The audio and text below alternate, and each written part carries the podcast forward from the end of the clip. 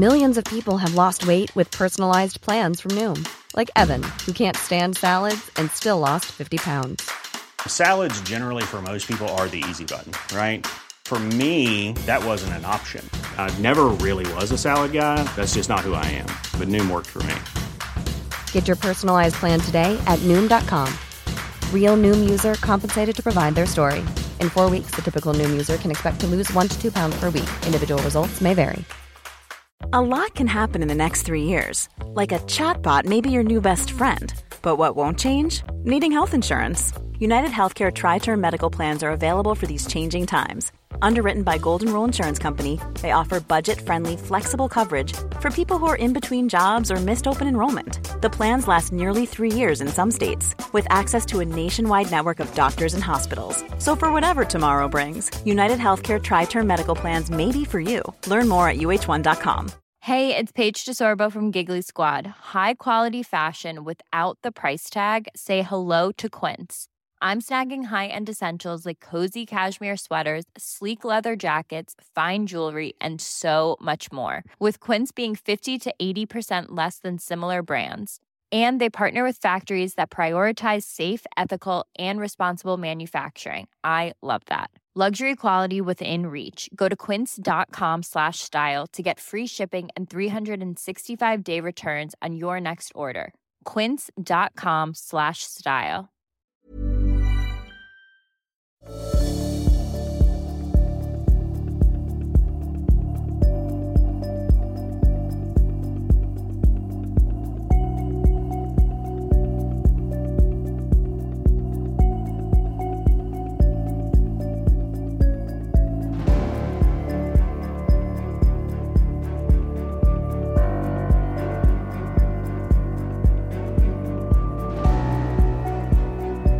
Du lyssnar på podcasten Samtal, en podcast med fokus på fria samtal. Den här podcasten presenteras av tidningen Bulletin. Om du vill få tillgång till samtal sju dagar före alla andra så kan du gå in på www.bulletin.nu och bli prenumerant. Då får du också ta del av hela Bulletins premiumutbud. Kom ihåg att Bulletin också finns som app till både iOS och Android. Länkar hittar du i beskrivningen till det här avsnittet eller på min hemsida www.samtal.ax. Jag släpper nya samtal alla onsdagar året runt och jag tar tacksamt emot tips ifall det finns någon du vill höra i podden. Idén bakom podden är att fokusera på fria samtal. Jag tror att öppenhet är grunden för det demokratiska samtalet och jag vill uppmuntra dig som lyssnar att exponera dig för samtal med någon du inte håller med. Jag heter Jannik Svensson och du lyssnar på podcasten Samtal. Ronny Berggren är opinionsbildare och författare. Han är expert på amerikansk politik och väl insatt i situationen i Afghanistan. Välkommen hit Ronny. Eh, tack så mycket Jannik. Eh, och jag har ju fått eh, jätte, jättemånga som har önskat dig eh, till den här podden och, och, jag försöker hålla de aktuella poddarna och eh, jag tog aldrig in dig under USA-valet för att, och jag var inne och nosade på det, men jag kände så att folk är för trötta. på, ja. på, USA. Men nu har vi en, en uh, aktuell situation som, som du kanske mer än många andra i Sverige har jättebra koll på och det är ju talibanernas frammarsch i Afghanistan. Och jag tänkte att vi kan väl börja där. Vad mm. är det som händer i Afghanistan? Ja, alltså det som händer är att talibanerna, den här fundamentalistiska Salafi-jihadistgruppen då, som härrör från Pakistan men också från Afghanistan och som har tagit över mycket av Afghanistan de senaste ja, 15 åren kan man säga, då efter USAs befrielse av Afghanistan 2001. De har nu tagit över i princip, eller ja, de har tagit över hela Afghanistan. Eh, Ashraf Ghani, Af Afghanistans president, lämnade landet bara för någon timme sedan och eh, de har upprättat ett talibanstyre i Afghanistan. Och det är det här USA har försökt motverka nu i 20 år. Eh, ja, det kan man säga. Och eh, jag menar, alltså talibanerna är ju en rörelse som har en lång historia. Men för att göra en lång historia kort så styrde de ju i slutet av 90-talet, andra halvan av 90-talet. Och de införde fruktansvärda sharia-lagar där man högg händerna av tjuvar, där man stenade kvinnor till döds. Kvinnoförtrycket var enormt. Och eh, man skyddade också terroriströrelser och då i synnerhet al-Qaida. Och det var ju al-Qaida som låg bakom terroristattacken mot USA den 11 september 2001 och de beskyddades av talibanerna. Och eh, då gav USA talibanerna ett val att eh, lämna ut al-Qaida eller möta konsekvenserna, sa USAs president George W. Bush. Eh, talibanerna sa nej, de ville inte lämna ut al-Qaida och USA invaderade och fördrev talibanerna. Och sen så började man under det här långa nationsbygget att försöka bygga upp Afghanistan som en, ja, en islamisk republik men samtidigt en demokrati som var västvänlig och bejakade mänskliga rättigheter. Och det har väl funkat så där genom åren? Alltså Kabul har väl varit en, som jag förstår det, en ganska trygg plats och det har varit välfungerande. Men resten av Afghanistan har väl halkat efter? Ehm, ja, alltså man kan säga så här. Alltså, från början så lyckades ganska mycket. Det gick väldigt sakta. Vi ska komma ihåg att Afghanistan, jag tror att det var världens femte fattigaste land när USA invaderade 2001. De hade liksom ingen, eh, alltså låg utbildning, ingen infrastruktur alls i princip. Så att USA började verkligen från, från grunden när man skulle bygga upp Afghanistan. Och man började då med de politiska institutionerna, få till en övergångsregering, skrev en konstitution och så. Och sen så satte man igång med, med, med det här andra då. Och det var väldigt mycket som gick rätt. Framförallt liksom lyckades man få kvinnor, alltså att bli fria. Kvinnor tidigare, de var ju ägodelar och talibanerna. En kvinna fick inte gå utanför hemmet utan en manlig övervakare och de var i princip slavar i sina egna hemkvinnor. De fick ingen sjukvård när de var sjuka och eh, straffen för att bryta mot de här reglerna, de var alltså drakoniska, fruktansvärda straff. Så att kvinnorna var slavar och förtryckta. Och eh, de fick ju mycket hjälp av USA. Flickor fick börja gå i skolan igen och kvinnor fick komma ut i yrkeslivet. Kvinnor fick ge sig ut in i politiken och så. Så att eh, den biten lyckades ju jättebra. Men sen när det gäller att sprida allt det här i hela landet och få regeringen, centralregeringen i Kabul att bli liksom eh, allmänt erkänd och allmänt accepterad och sådär av ett land som ändå består av väldigt många olika folk som har levt i konflikter under lång tid. Det var svårare och det är väl det egentligen som har misslyckats nu under de här åren. Och vad var det som föranledde att USA nu sa att nu drar vi bort de här trupperna?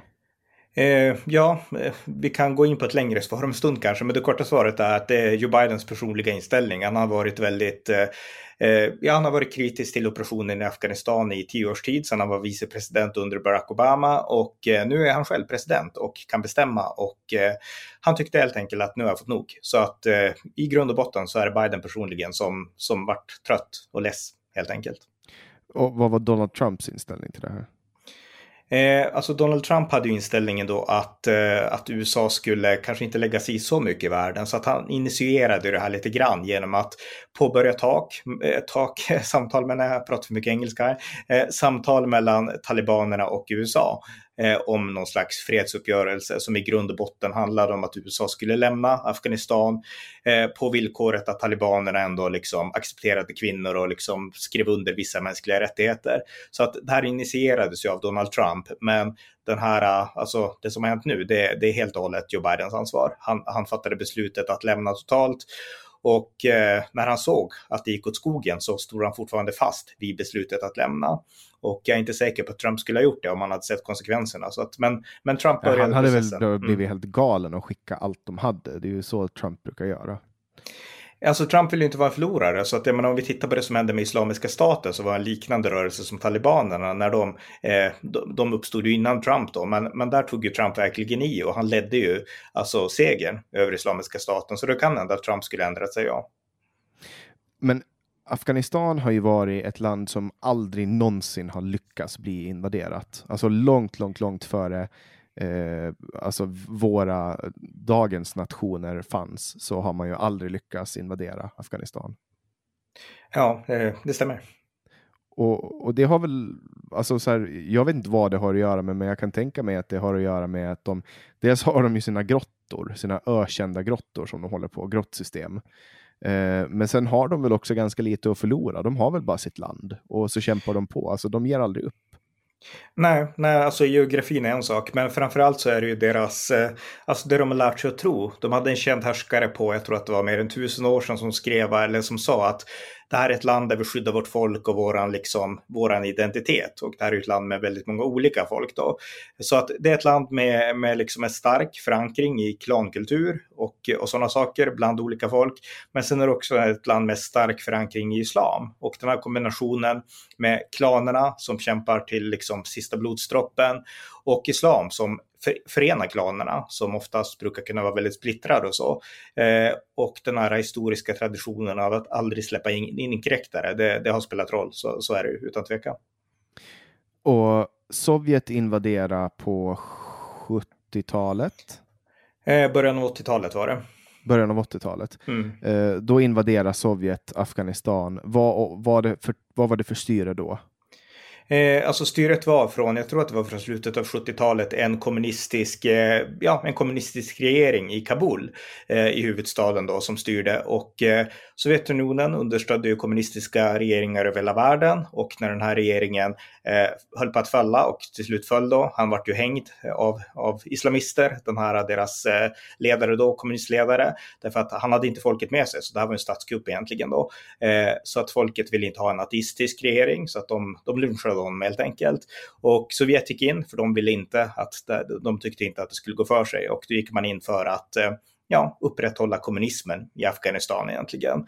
Och eh, det som då hände, det var att Sovjet körde över civila på ett oerhört brutalt sätt. Man använde bomber mot civila och alltså aktivt mot civila och jag tror man använde gas och eh, man betraktade civilbefolkningen som fiender i grund och botten. Och eh, sen kom USA in på ett hörn där också och började stödja en del av de här Mujahedin-grupperna, de här islamska krigarna som stred mot Sovjetunionen. För, för, att de, alltså för att motverka Sovjet på något sätt? Ja, precis. Det var en del av det kalla kriget och där stora, den här stora konflikten mellan västvärlden anförd av USA och Sovjetunionen. Och eh, man ville ge Sovjet sitt eget Vietnamkrig. Vietnam var ju kriget där USA hade fått stryk och nu ville man ge Sovjetunionen ett krig där de skulle få stryk och det vart Afghanistan då. Mm. Och det här, det var 79 som, som de gick in eller? Okej, okay. ja det, eller, det nej, kanske var. Ja, mm. eller, jag, det, jag, jag, jag, har bara 79 i huvudet. Ja, det började väl då ungefär. Jag har ja, faktiskt inte årtalet exakt i huvudet. Men, mm. nej, men jag, jag kan ha fel, men, men det, det, var inte så jättelänge. Det var väl fram tills Sovjetunionen föll som de höll, eh, som de lyckades hålla Afghanistan, eller drog de sig ur tidigare? Eh, man drog sig ur något, något år tidigare tror jag, alltså innan Sovjetunionen föll. Det var ju på 80-talet en gång och man drog sig ur 87 eller något sådär. Jag, jag har inte det här exakt i huvudet alltså. Men eh, det var ett väldigt brutalt krig och det drevs mot civilbefolkningen. Och det finns ju lite grann en myt, speciellt idag och speciellt bland många USA-kritiker, att bara Sovjet hade fått styra upp så skulle det ha blivit bättre. Men vi kan se vad Sovjet gjorde i andra länder, delar av Asien, eh, i Mongoliet och på många ställen. Och där var det ju det sovjetiska förtrycket. Så att, eh, ja. Ja, alltså det enda Sovjet egentligen har lyckats med, det var att de var jävligt duktiga på att laga sådana här skinnkarbusar. Alltså de håller ju väldigt tätt för vind och kyla. ja. Men det är väl det, är det enda jag kan komma på som Sovjet gjorde bra. Eh, Traktorer tror jag de var bra på också, men ja, ja. ja, fast inte att leverera dem till rätt det kan plats. Det kan hända. Eh, nej men för, för, att, om jag förstår det rätt nu, det är ju du som är experten, men alltså det, det, som hände när, när Sovjet tog sig in var att, att folk flydde till Pakistan och det mm. var de som sen blev talibanerna. Ja, alltså, så var det. Alltså, talibanerna, precis. Alltså, Mujahedin var, bestod av flera olika grupper och det var inte rena talibaner utan det var många olika grupper och alla var ja, de var islamister allihopa kan man säga. Sen var det mindre dåliga islamister och vissa som var väldigt västvänliga. Eh, de har ju en som heter eh, Mashoud Ashad, heter han någonting. Och han, är väldigt, eh, han var väldigt västvänlig och han vart mördad av talibanerna sen. Men, men visst, de jagades och eh, även Osama bin Laden kom ju dit, han som skulle bli ledare för al-Qaida sen och krigade mot Sovjetunionen. Och då, på den tiden, så hade väst inte så mycket emot honom, utan han såg som en frihetskämpe. Eh, men sen stämmer det, de, de tog sin tillflykt till bergen i Pakistan och det var också därifrån som USA i samarbete med Pakistans säkerhetstjänst beväpnade talibanerna. Så eller USA med, har skapat dem? Nej, USA har inte skapat dem, nej, nej, nej. Men däremot så beväpnade USA Mujahedin, eh, inte talibaner utan Mujahedin i, i, samarbete med Pakistan för att bekämpa Sovjetunionen. Det gjordes. Eh, och sen när Sovjet fördrevs och det blev inbördeskrig på 1990-talet i Afghanistan, då uppstod den här gruppen som heter just specifikt talibanerna och som var mer extrema än alla andra. Och de skapades inte av USA. Okej. Okay. Och, och, och, och, talibanerna, de, deras mål är alltså att upprätta någon form av kalifat, vilket de nu har gjort. Ja, de vill upprätta ett islamiskt emirat kan man säga i Afghanistan specifikt, inte ett kalifat över hela världen, utan ett islamiskt styre i, i Afghanistan, precis som de hade där på, på 1990-talet. Och eh, ett sådant emirat, det går ut på att alla människor lyder de islamiska gudslagarna, sharia-lagarna, så som de tolkar dem, men också så som det står bokstavligen i Koranen och eh, det man kan läsa i profeten Muhammeds liv och så. Så att de vill egentligen skapa samma samhälle som fanns på 600-talet 1900-talet i arabvärlden. Det är det de vill upprätta när man då har högg händer av tjuvar och stenade äktenskapsbrytare och sådana saker. Och, eh, ja. Alltså min definition av gamla goda tiden, det är typ 60-talet. De har så ja. 600-talet. Det är helt sjukt att de, alltså, att folk, jag, jag, jag kan inte förstå hur människor vill tillbaks till, till det där. Alltså det är ju eh. primitiva, eh. det är ju stenåldersgrejer ur vårt perspektiv. Ja, alltså jag skulle säga att eh, stenålder, jag skulle säga att det är, eh, ja, det är islams urhistoria.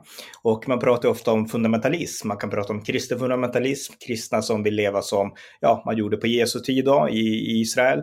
Och eh, det här är islamisk fundamentalism, muslimer som vill leva som Mohammed och det rättledda kalifatet levde på 600-talet i deras urhistoria.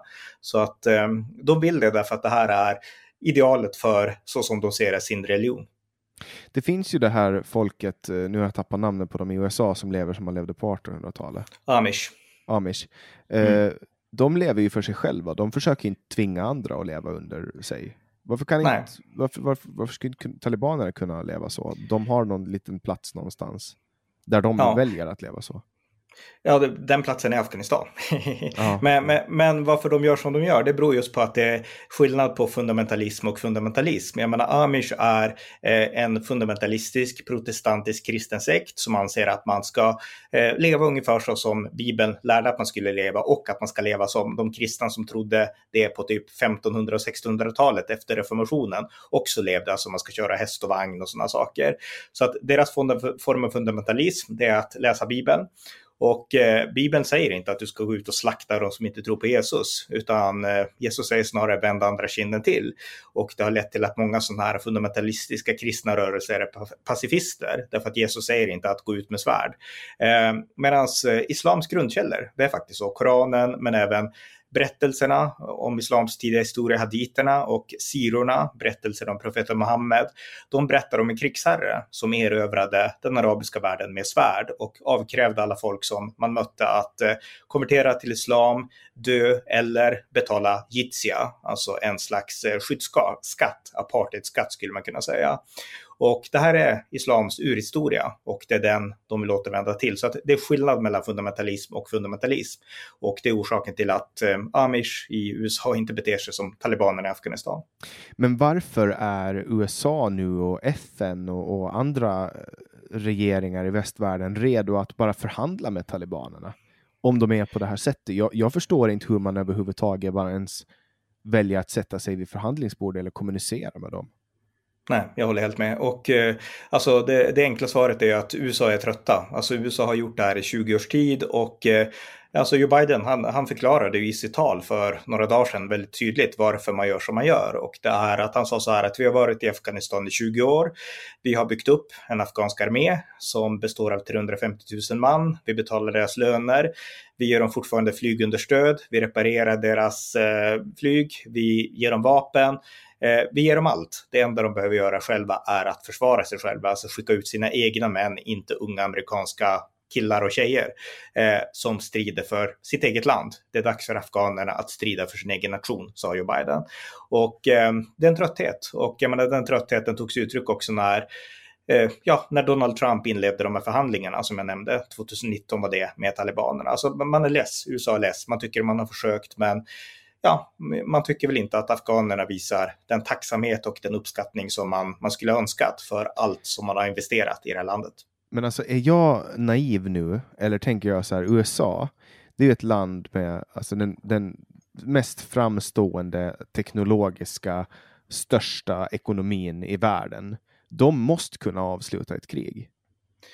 Eh, ja, eh, jag personligen håller med dig. Men eh, ja, nej, man känner väl att eh, vi ska säga så här också, alltså, det är skillnad. I demokratier så blir det alltid liksom skiften i opinions, opinionen och så. Och vi har två partier i USA, vi har Republikanerna och Demokraterna. Och det här var ju i grund och botten alla partier var med på det här i början, men den president som drev det här tydligast att vi måste se till att Afghanistan fungerar, det var republikanen George W. Bush, presidenten då som styrde under, ja, den 11 september då, eh, 2001. Och eh, demokraterna efter honom, alltså demokraterna, Barack Obama och sen kom då republikanen Donald Trump och nu demokraten Joe Biden då. Men de hade inte samma liksom gnista och de brann inte för att liksom verkligen se till att fixa Afghanistan på samma sätt. Så att det finns ett skifte inom partierna här och den amerikanska antikrigsopinionen finns ju definitivt starkast inom Demokraterna och Joe Biden är demokrat så att eh, ja, eh, sånt kan skifta inom demokratier, krigspolitik. Mm. Eh, var du beredd på att eh, Donald Trump skulle åka ut?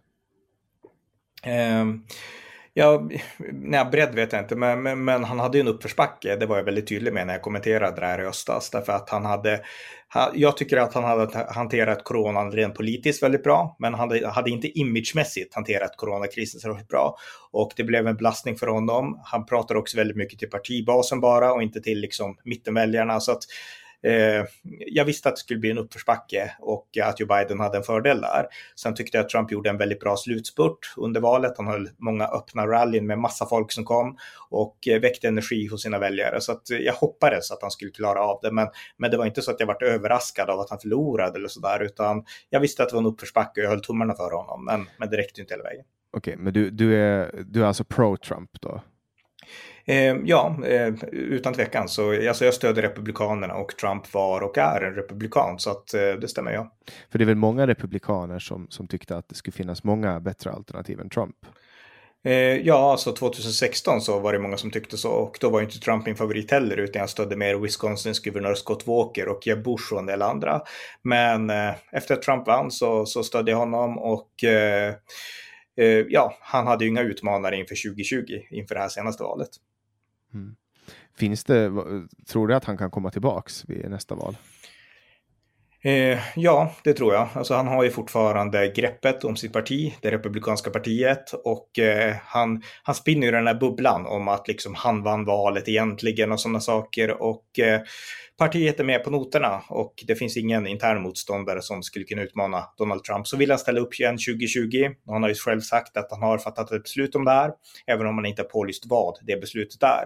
Men om han pålyser att eh, ja, jag ställer upp igen, då, då kommer han ju att ta Republikanernas nominering. Det kommer han att göra. Mm. 2024 alltså? 2024, förlåt mig. Mm. Ja. Uh, och det där är ju lite intressant när du tar upp det att, att Trump ansåg att han vann valet. Det är ju skitsnack. Eh, ja, det, det är skitsnack ja. Och, och jag har granskat det här extremt. Ja, nej, det är jag inte alls säker på. Eh, alltså jag har granskat det här väldigt ingående. Jag har en blogg som heter roni.se där jag skrivit en artikel som heter Sagan om kraken. Där går jag igenom allt liksom, som Trump hävdar om valet, att det skulle vara valfusk och så och eh, sågar det utifrån en grundlig granskning. Men jag är inte alls säker på att Trump själv personligen är medveten om det, utan jag tror på att han tror, han tror verkligen att Demokraterna har stulit valet. Däremot är det för att han omger sig med ja-sägare eller? Eh, ja, För han, det, han, är ju inte, han är ju mm. inte dum. Man, man, alltså, man kan inte bli president i USA om man är dum. Eh, det kan diskuteras, men, men, men nej, nej, nej. Men, men, men liksom, han, nej, han är inte dum. Han är klipsk och så, eh, Donald Trump och så. Men han är ändå en person som, han kan bara se saker ur sitt eget perspektiv. Det, det är min känsla av honom och min uppfattning av honom. Och eh, jag tror att han tror, eh, av två olika skäl, att, att han vann valet. Dels för att han vill tro så och sen också för att han personligen inte är en politiker. Alltså han kommer helt utifrån, han har ingen personlig djupare koll på hur amerikanska val fungerar. Så att han köper nog det här. Men jag tror att skulden för det här, det ligger inte liksom det Trump tror, utan det andra har fidat åt honom. Rudy Giuliani, och väldigt många andra som definitivt vet bättre. De har på något sätt i populistiskt anda sagt det de tror att Trump vill höra och han har trott på det. Så att jag lägger mer skuld på dem än på Trump personligen. Sen så tycker jag att, ja, jag tycker inte att det är bra det Trump gör nu när han fortsätter hävda att det var valfusk. Men, men den största skulden lägger jag inte på honom. Tror du att han är narcissist? Ja, det tror jag väl. Men det är inte bara nackdelar med det. Men, men ja, ja. Tror du att han har psykopatiska drag? Nej, det tror jag inte. Det tror jag är överdrifter. Men eh, utan min uppfattning av honom det är att han är narcissistisk, ja, väldigt självupptagen och mycket kretsar om honom. Men eh, annars så tror jag att han är en trevlig och ödmjuk kille och kan verka vara det både utåt och inåt i sina relationer. Så att han verkar vara en bra person, Donald Trump. Men sen så kan han inte ta förluster. Det är helt uppenbart. han använder ju ganska ofta det här begreppet “nobody knows this better than me”. Du vet, Mm. Uh, alltså, jag tycker inte att hans framtoning är speciellt ödmjuk. Uh, jag har aldrig uppfattat honom som ödmjuk. Nej, inte jag heller. Men, men alltså, en ödmjuk person, det var George W. Bush som vi var inne på nyss då, som vi ska knyta det till Afghanistan. Men, men liksom, nej, Trump är inte ödmjuk. Men jag vet inte om det behövs i, liksom, som person är det viktigt att vara det. Men behövs det verkligen i förhållande till den politiska imagen? Jag är inte säker på det.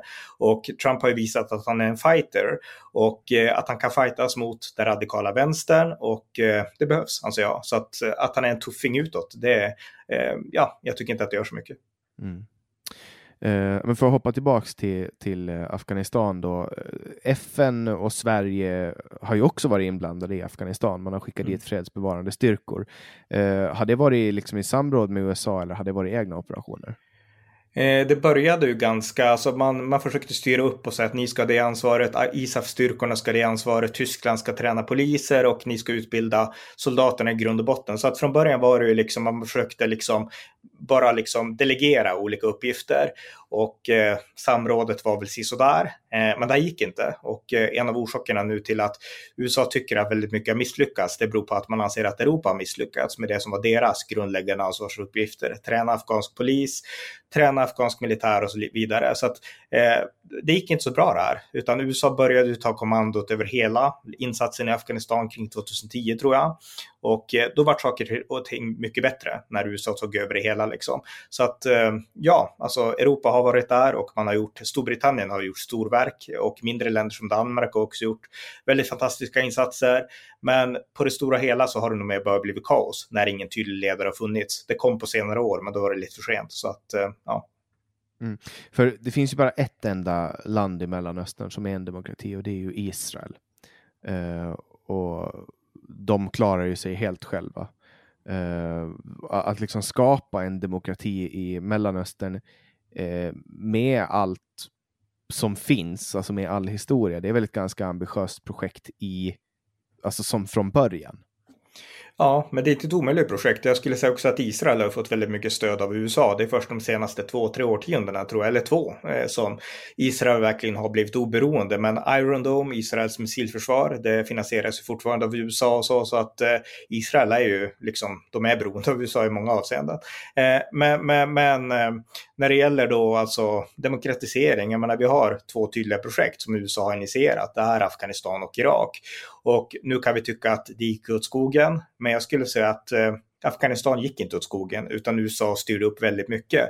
Eh, det kom att gå åt skogen när Joe Biden tillträdde egentligen och kanske lite grann under Donald Trump.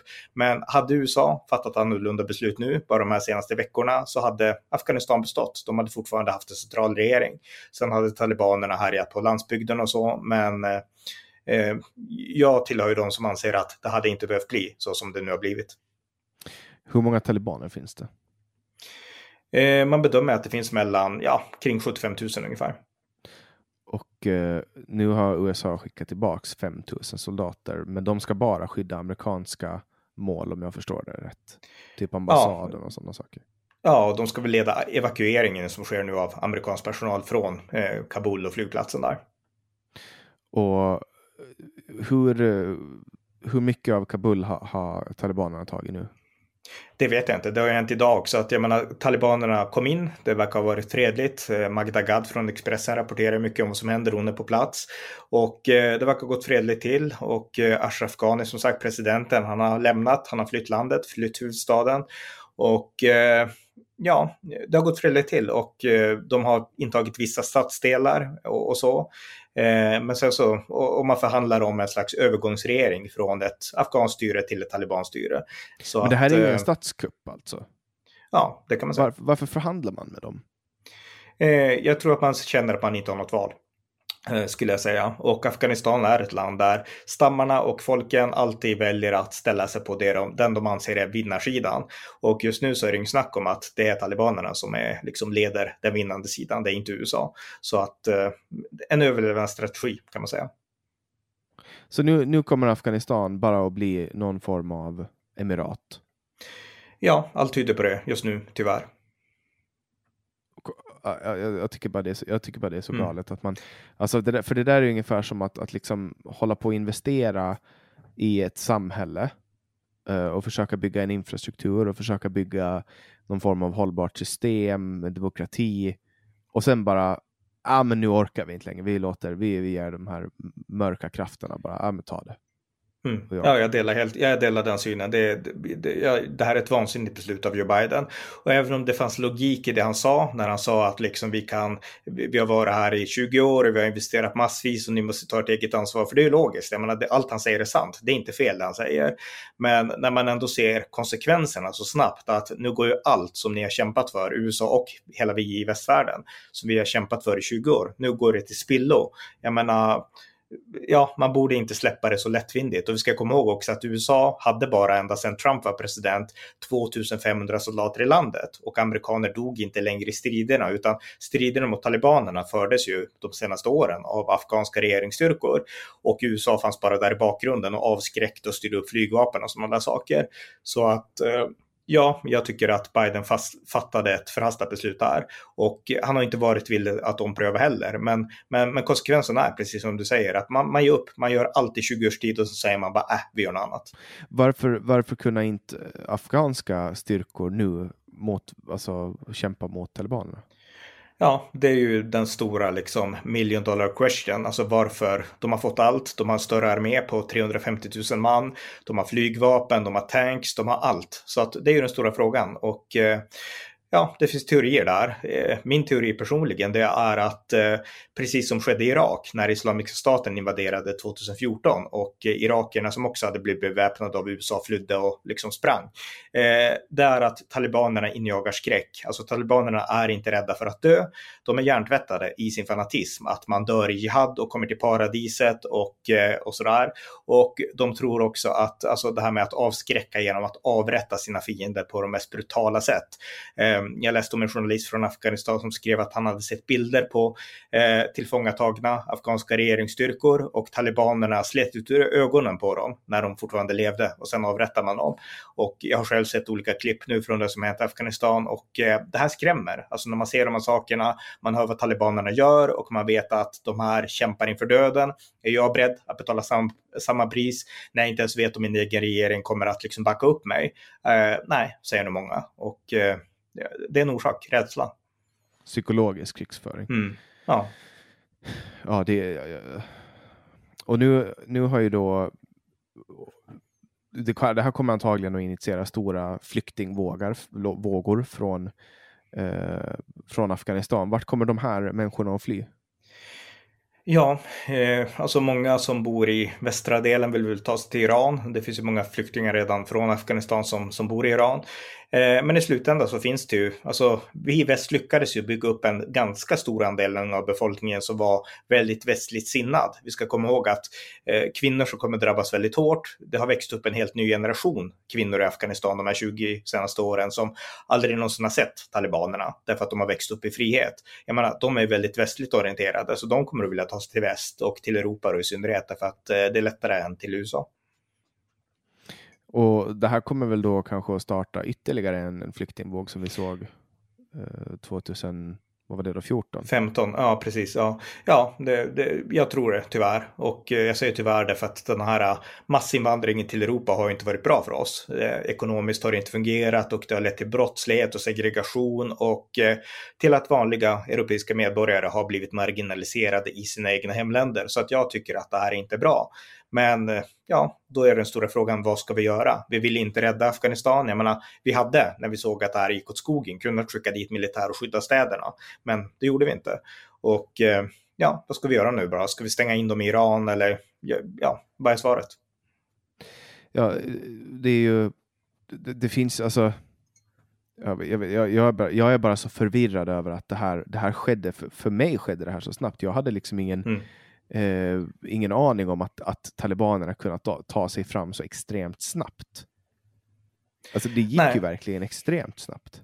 Mm. Och jag tror att amerikansk underrättelsetjänst bedömde ju att Kabul skulle kunna falla inom, jag tror att det var tre månader och det, det föll inom, ja, det, det bedömde man i förrgår. Två dagar senare så föll Kabul.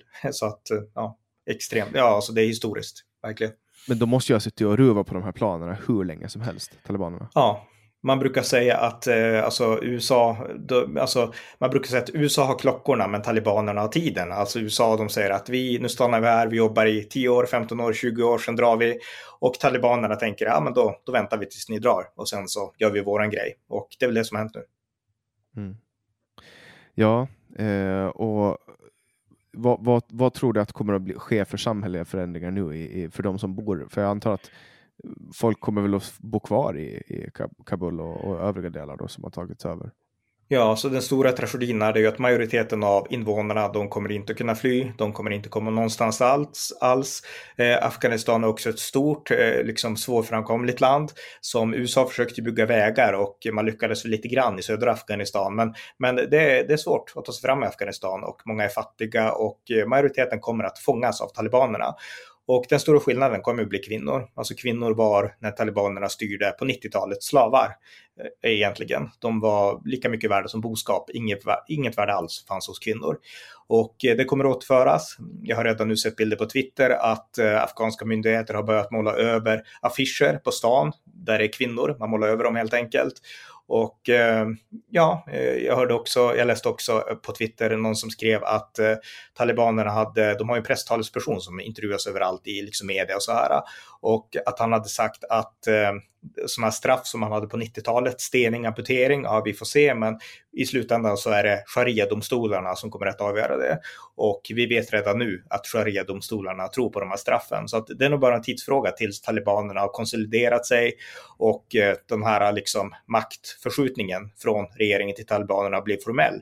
Eh, när den är klar så tror jag att det här kommer att komma igång, komma igång så att det kommer bli oerhörda konsekvenser för civila, för utsatta människor och för kvinnor i synnerhet. Och, Vadå, eh, så de bara har någon presstalesperson som går runt och pratar och folk bara intervjuar den? Ja, det är rätt kul. Det är en kille från, jag antar att han är från Pakistan, han heter Shuhail, jag minns inte vad han hette exakt, men jag, jag har lyssnat på honom ganska ofta. Och eh, han, han låter sig intervjuas av, senast så lyssnade jag igår när han intervjuades av BBC. Och han, han, är- han är liksom talibanernas Bagdad-Bob. Han säger saker som inte är sant, men han försöker liksom klistra in det på ett sätt så att det ska låta liksom ja, hippt i väst ungefär. Så han pratar engelska, han berättar, nej men vi tror på kvinnors rättigheter och liksom, eh, ja, och sådana saker. Och alla vet att det här är inte sant, men det är liksom, det, det är deras fasad. Så att ja. Alltså, så att de bara, ja, det, det, det, jag, det är så många saker med det här som, som förvånar mig ja. eh, och förbryllar mig. Mm. Eh, men, men de som, som bor kvar här nu då, jag antar att de kommer att ändra om eh, i skolsystemen och så kommer de liksom att försöka föra det här vidare. Ja, alltså så här är det. Alltså, dels flickor fick ju inte gå i skolan när talibanerna styrde. Eh, De fick inte lära sig läsa. Mödrar som lärde sina döttrar läsa vart avrättade. Och eh, det finns ingenting som tyder på att det här kommer förändras. Möjligtvis då att talibanerna låter, gå flick låter flickorna gå i skolan för att lä lära sig islam. Det kan hända.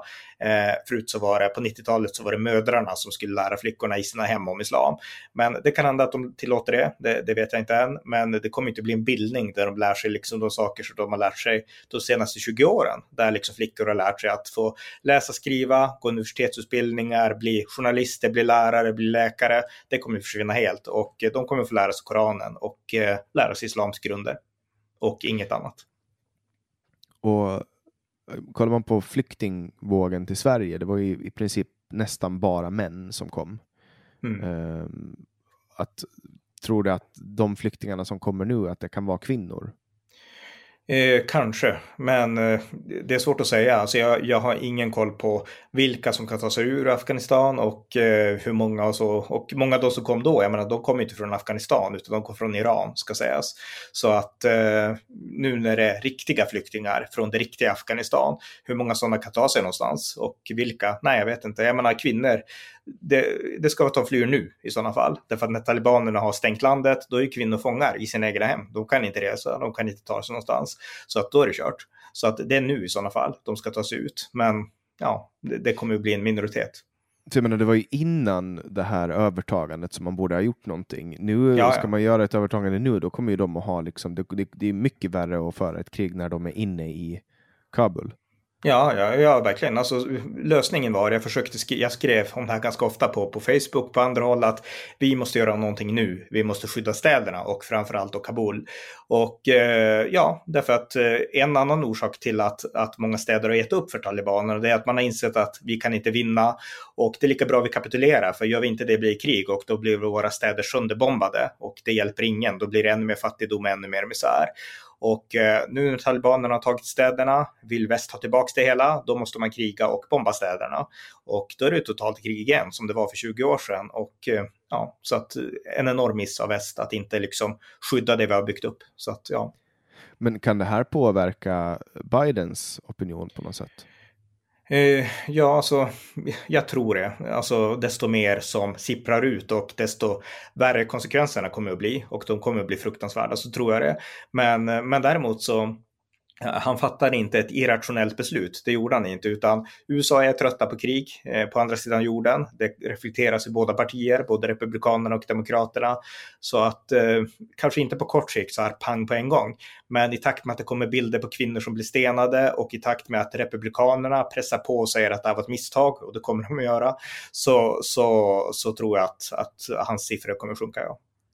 För jag menar, alltså det här är ju ändå det här borde man ju ändå förstå. Hur invandrarkritisk man än är så borde alla i grund och botten förstå vilken mänsklig tragedi det är att låta ett helt land falla i händerna på kvinnohatande fundamentalister som, mm. som vill gå tillbaks till 600-talet. Alltså, man brukar ju prata om solidaritet, men det här är väl riktig solidaritet? Alltså att, när man, alltså att, att inte låta en sån här sak hända så här många människor, när man med förhållandevis små resurser kan liksom upprätthålla. Jag håller helt med. Alltså det, det, här är en katastrof. Vi har gjort fel i väst. Som har, vi har svikit Afghanistan och Afghanistans folk. Det är inget snack om den saken. Och det gäller, dels gäller det USA, men jag skulle säga att det gäller ännu mer Europa. För Europa har inte tagit sin del av den börda som vi lovade ta efter 9-11-attacken. NATO och FN, alla lovade att sluta upp i det här liksom nationsbygget i Afghanistan. Men i praktiken var det mest USA och Storbritannien. Och eh, så att ja, alltså det, det, det, är en katastrof, det är en skam och eh, vi borde ha agerat långt tidigare. Och speciellt nu när vi de senaste veckorna sett att talibanerna tar stad efter stad, då hade vi kunnat skicka trupper till städerna. Alltså inte i de här, vi ska komma ihåg att vi skräms ju av dödssiffrorna. USA gör det, Europa gör det, vi vill inte dö i krig. Men majoriteten av eh, liksom dödstalen, det är när man driver kontra antiterrorism ute på landsbygden. Man springer in i hus och liksom man jagar terrorister i, i, liksom i bergen och så. Det är då man dör. Och när man är ute och bygger vägar och det är sådana här vägbomber, IED, som sprängs. Eh, men att skydda städer som redan är befolkade och liksom befästa och bygga en mur runt städer, använda flygvapen mot de här öppna militärerna, det skulle inte kostat något. Och där skulle väst vinna hur lätt som helst. Jag menar, talibanerna kunde inte ta, ta städer när USA hade 2500 pers i, på plats i hela landet. Eh, därför att öppna strider, alltså när talibanerna åker på sina bilar och sina mopeder och allt vad det är, jag menar, de har ingen chans mot amerikanskt flygvapen. Så att jag menar, liksom att, att, att, städerna kan falla nu, det beror helt enkelt på att vi inte, alltså vi, vi använder inte det här längre, flygvapen och sånt. Och hade vi gjort det så hade det inte kostat så mycket i liksom västerländska liv och så. Så att en miss att inte göra det, ja. Och sen svenska reaktioner också, att man ville inte hjälpa de här tolkarna från början. Mm. Eh, det var ju ett antal tolkar som har hjälpt Försvarsmakten. Ja. ja, och jag tror Sverige är ett av de sista länder nu som inte hjälper tolkarna. Jag personligen, jag ansåg ju att man skulle kanske avvakta lite grann för att se liksom faller hela landet. Men, men, men det föll också hela landet och det gjordes väldigt snabbt. Så att ja, vi, vi borde ha hjälpt tolkarna tidigare, utan tvekan ja. För nu idag så sa väl Ann Linde att man skulle hjälpa de här tolkarna, man skulle försöka hitta dem eh, när man, samtidigt som man evakuerar svenska ambassaden. Och nu när vi spelar in det här, eh, det är några dagar före det släpps, så att ni som lyssnar och hör det här nu, det har säkert hänt jättemycket.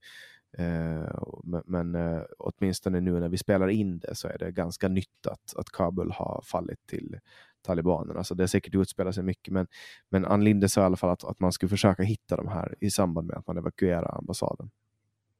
Hon, sa hon det idag eller? Ja. Okay. Eh, ja. så, vi, mm. så vitt jag vet i alla fall. Jag, kan, jag reserverar mig alltid för att jag kan ha fel. Mm.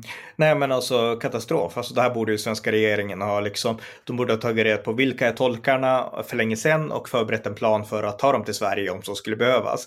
Och den planen skulle ha funnits redo. Jag säger inte att man behöver, behövt ha hämtat dem för redan en månad sedan, men om det här scenariot skulle komma, att Kabul väl faller, då skulle man vara beredd på en gång att liksom ta hem dem. Och eh, har den planen inte funnits så är det ju väldigt, eh, ja, det är en total miss och total katastrof av, av den svenska regeringen i så fall. För de här tolkarna var essentiella. Eh, jag kan inte så mycket om vad de gjorde för Sverige, men jag vet att för USA, för Storbritannien så betyder de allt i liksom deras sätt att kunna orientera sig i lokalsamhällen och kunna interagera med befolkningen, men även att kunna upptäcka talibaner och så. Så att eh, en total katastrof om, om inte någon räddningsplan fanns hos, hos Sverige. Och eh, nu har man ju stoppat av naturliga skäl alla utvisningar till Afghanistan. Men ganska länge så bedömdes ju Afghanistan vara en säker plats eh, att, för att kunna verkställa eh, utvisningar. Har det varit en säker plats? Eh, ja, så relativt eh, tills, tills nu, det tycker jag. Och jag tycker att, jag menar, många av de här som vi har önskat utvisa, de kommer ju från Iran också. Så att de kom hit som ekonomiska lycksökare, inte som riktiga flyktingar. Det fanns sådana också och finns. Men eh, väldigt många var inte det. Och vi har haft väldigt många afghaner i Sverige som har ställt till brott, som har varit delaktiga i de här fruktansvärda gruppvåldtäkterna i Sverige, som har rånat och till och med mördat svenskar och andra människor, medmänniskor. Och eh, ja, de borde inte få finnas här i Sverige tycker jag. Så att de borde vi skicka tillbaks till Afghanistan. Nu är det såklart en omöjlighet, så att nu måste vi hantera det här på annat sätt. Men ja, hur, hur, hur vi ska göra nu, det, det vet nog ingen just nu i alla fall. Mm. Men när du säger att de kommer från Iran, är det för att de har liksom bott och växt upp där? För att ja, någon gång har flytt dit från Afghanistan? Ja, det finns ju en stor afghansk diaspora i Iran, speciellt från, av, av shia-muslimer då, men även andra. Så att, eh, ja, så är det. Och väldigt många av de som kom till Sverige kom därifrån. Så att, eh, men de har inget, inget alltså, medborgarskap där då? Eh, det kanske de har. Jag har faktiskt ingen koll på det. Det vet jag inte hur det funkar. Men, men de är ju afghaner i grund och botten och så. Och eh, om Iran skulle samarbeta med att man utvisar dem till Iran, det, det vet jag faktiskt inte. För det var en jättestor grej inför valet med den här lagen, då, gymnasielagen kallades den, när Centerpartiet mm. gick med på. Alltså att, som jag tolkade så la Socialdemokraterna upp den då av populistiska skäl och de trodde aldrig att den skulle gå igenom. Och lagrådet totalsågade den, eh, men sen sa Centerpartiet att de skulle stödja den. Eh, och vilket de också gjorde, så att då gick den här lagen igenom. Lagrådet sågade en massa eh, högt uppsatta liksom inom alltså, som har varit då inom rättsväsendet och, eller lagstiftning så att det här funkar inte, inklusive lagrådet. Eh, men att man då man har liksom skjutit på den här nu och det var väl ungefär 9000 personer som omfattades då, där majoriteten var män från Afghanistan som skulle mm. inom två år skaffa sig gymnasieutbildning och sen jobb för att få stanna. Eh, nu, de som är kvar i Sverige, jag antar att nu kommer de att få stanna kvar här. Ja, jag antar också det. För vad ska man göra? Jag menar, Afghanistan är ju ett, eh, en failed state, misslyckad stat nu. Så att, eh, ja. Så att det, det, det går ju inte att... Men hur många har man liksom av, utvisat nu? Vet du, har du koll på det? Nej, det vet jag inte tyvärr. Alltså, det vet jag inte. För få skulle jag säga, men jag, jag har inga siffror. Mm, för det här har ju varit en jättestor fråga, alltså gymnasielagen mm. i Sverige. Alltså den har ju påverkat den politiska opinionen oerhört mycket och svensk politik. Så att eh, Afghanistan har varit en stor fråga i svensk politik under många år. Ja, och det är det som är så intressant. För jag menar, jag anser att majoriteten, väldigt många av de här afghanerna borde inte ha fått stanna. Det, det är min bestämda åsikt.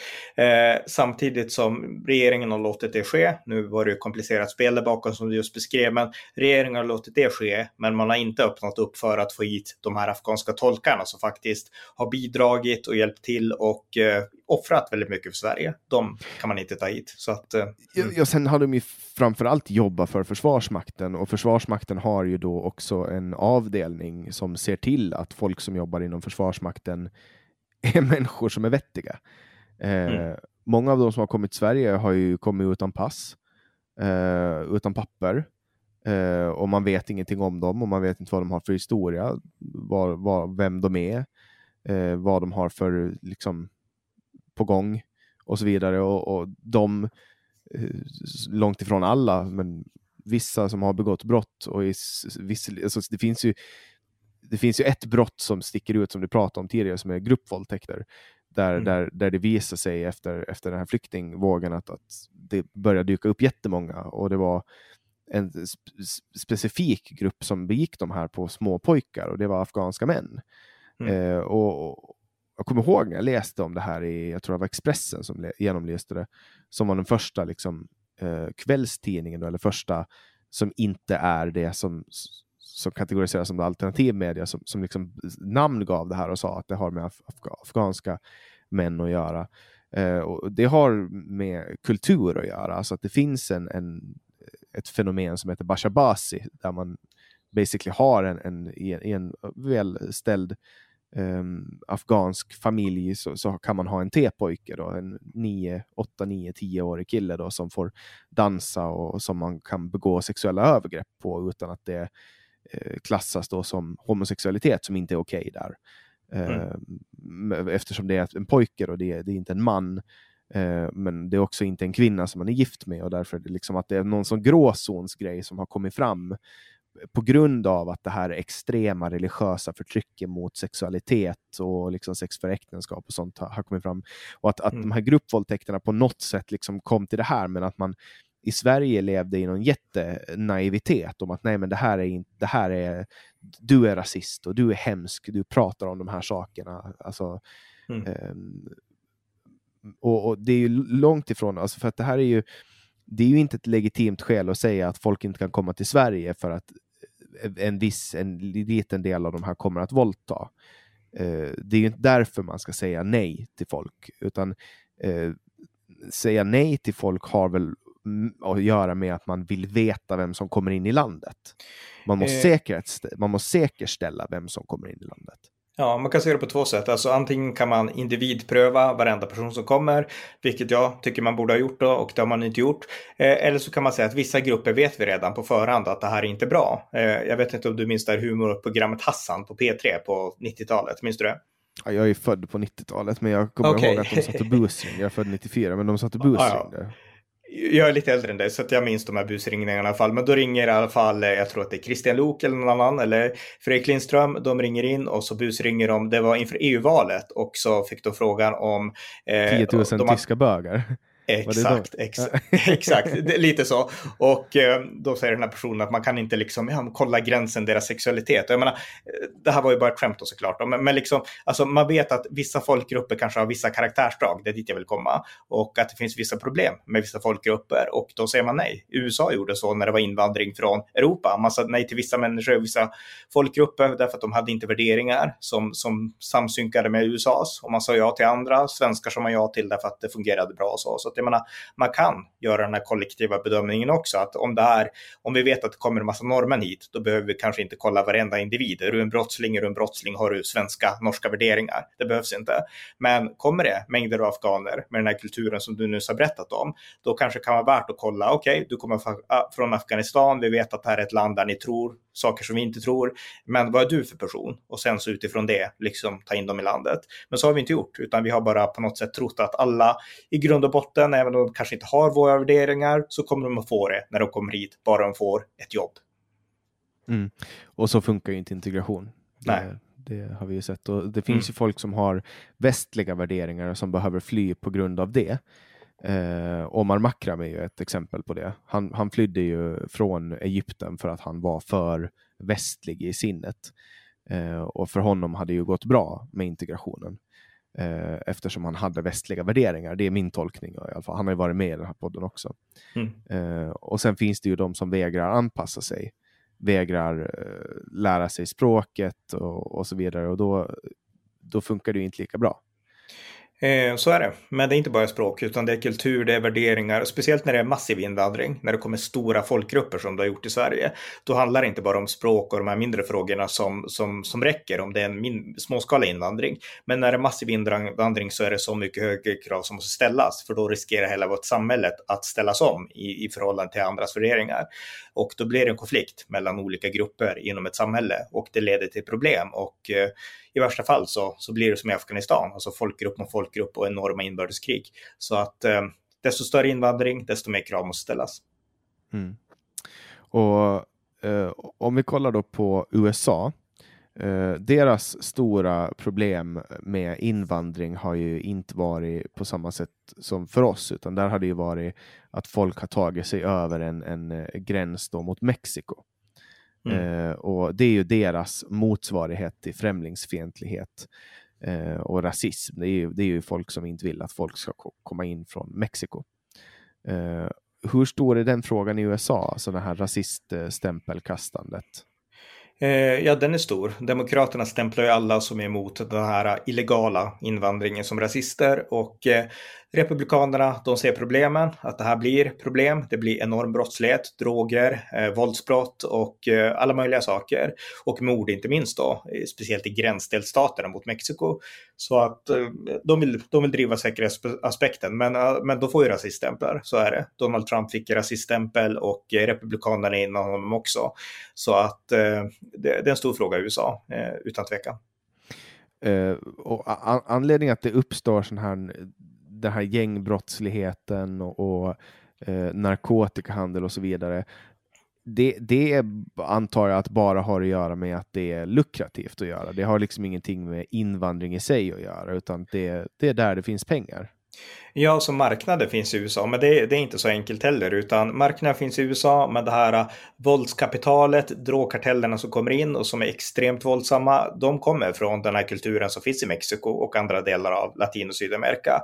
Och eh, ja, de, de, här som vill köpa droger av USA, de, eller från, från Mexiko, så de vill inte ha det här våldet. Så att det, det är lite tudelat såklart, men visst, det finns en marknad i USA, så är det men vad är det som gör att deras kultur är så rå och brutal? Då? Jag menar, det där är ju gamla spanjorer, det är ju gamla spanska kolonier.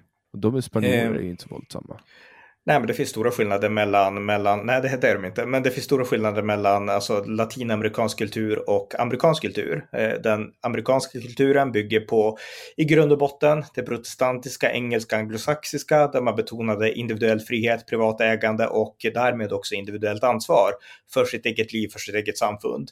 I Latinamerika, Mexiko och eh, ja, hela Sydamerika i grund och botten, då var det kollektivt statligt ägande. Eh, det, till att börja med katolska kyrkan, sen stora landägare och det var stora folkmassor som var rotlösa, som inte hade egna hem och så. Och eh, stora rotlösa folkmassor, de söker sig till andra gemenskaper och eh, nu i modern tid så kanaliseras det oftast genom gäng och så. Så att det är en av orsakerna. Och Donald Trump börjar ju bygga den här muren som man pratar om. Mm. Hur har det gått med den? Eh, det har gått bra. Eh, Donald Trump byggde, jag tror att det var, nu har jag inte siffran i huvudet, men det var några hundra mil i alla fall och den byggdes på de här viktiga platserna helt enkelt. Eh, under Bidens presidentskap så upphörde ju det här bygget och, eh, och så och framförallt så ändrade Joe Biden en del lagar som gjorde att det är mycket enklare idag för illegala immigranter att ta sig in i USA än det var under Donald Trump och det är helt oavsett muren. Så att eh, eh, ja, muren funkade, men politiken har ändrats så att nu funkar ingenting oavsett de delar av muren som står kvar eller inte. Men varför, varför vill Joe Biden att det ska vara lättare för illegala invandrare? Det är ju människor, alltså, ska inte alla prövas liksom rättsligt, alltså enligt då en asylprocess?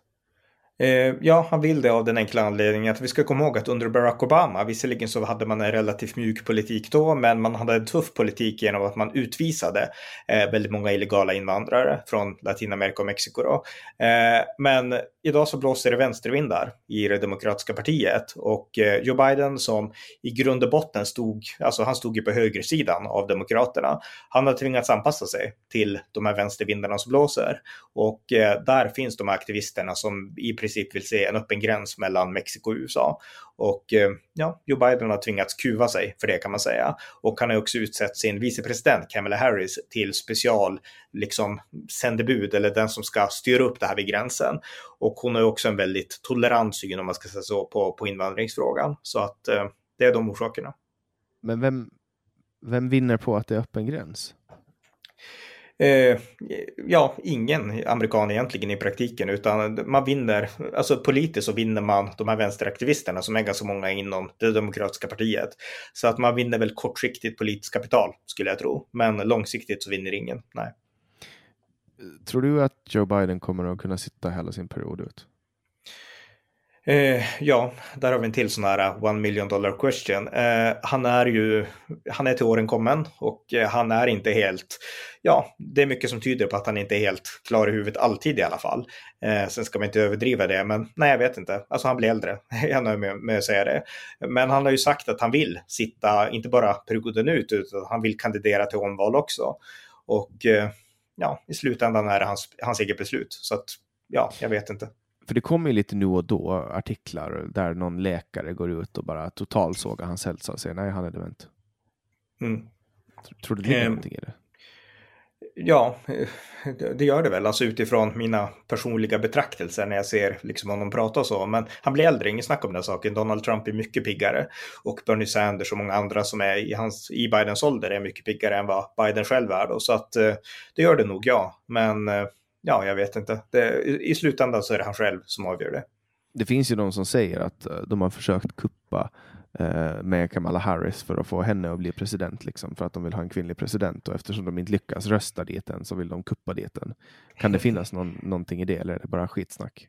Ja, det är bara skitsnack. Nej, så är det inte. Det är inte så, utan det är, det är Joe Biden som bestämmer. Han är president och han är, han är liksom inte helt borta i huvudet, utan han kan fatta beslut och det gör han. Så att nej, så är det inte.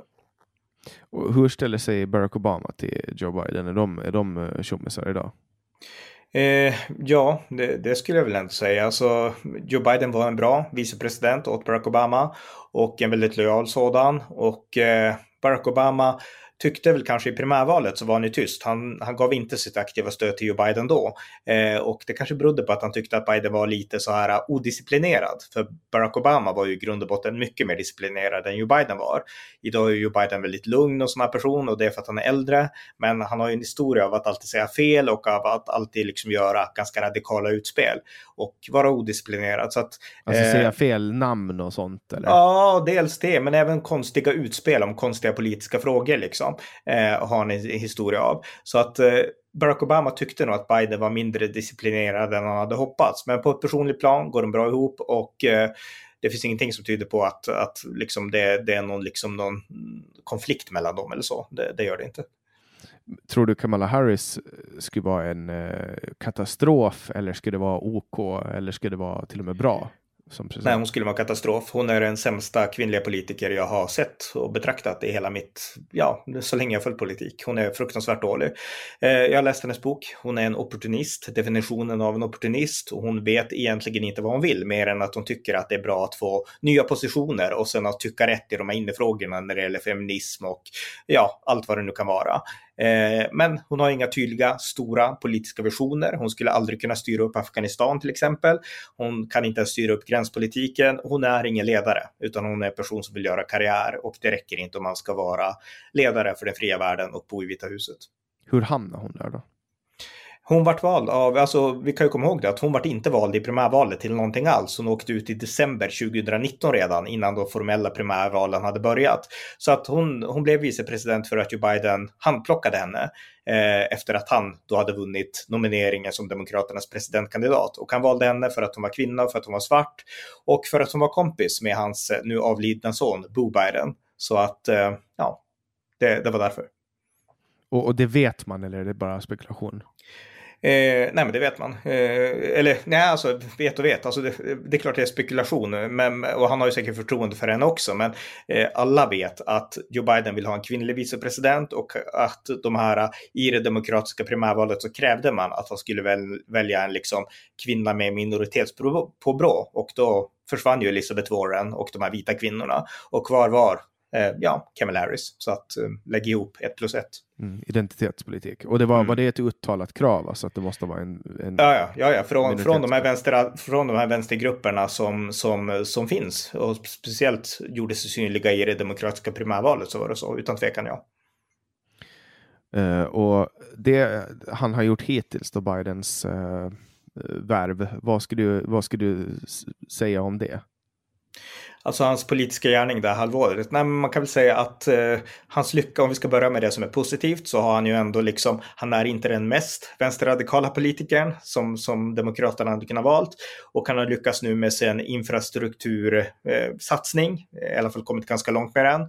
Och eh, det blir väl hans stora grej. Men sen har han ju misslyckats kapitalt med gränsen mot Mexiko och eh, han blir presidenten som förlorade Afghanistan och det är liksom en, ja, det är ett, en katastrofal flopp. Så att eh, han, nej, han får ju tydligt underkänt hittills av mig. Har, har Bush uttalat sig om, om det här med Afghanistan? Ja, eh, George W. Bush då, han, eh, han, han, han hade principen då att aldrig uttala sig kritiskt om sina efterträdare. Därför att han minns själv att Jimmy Carter och andra var kritiska mot honom och han tyckte inte att det var passande att före detta presidenter kritiserade den sittande presidenten.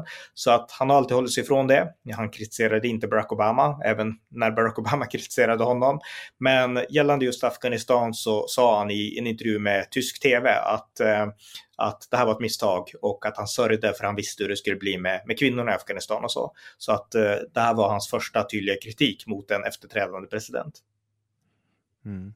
Och vad, vad mera har Biden, eh, vad, vad har Biden misslyckats med de stora grejerna då?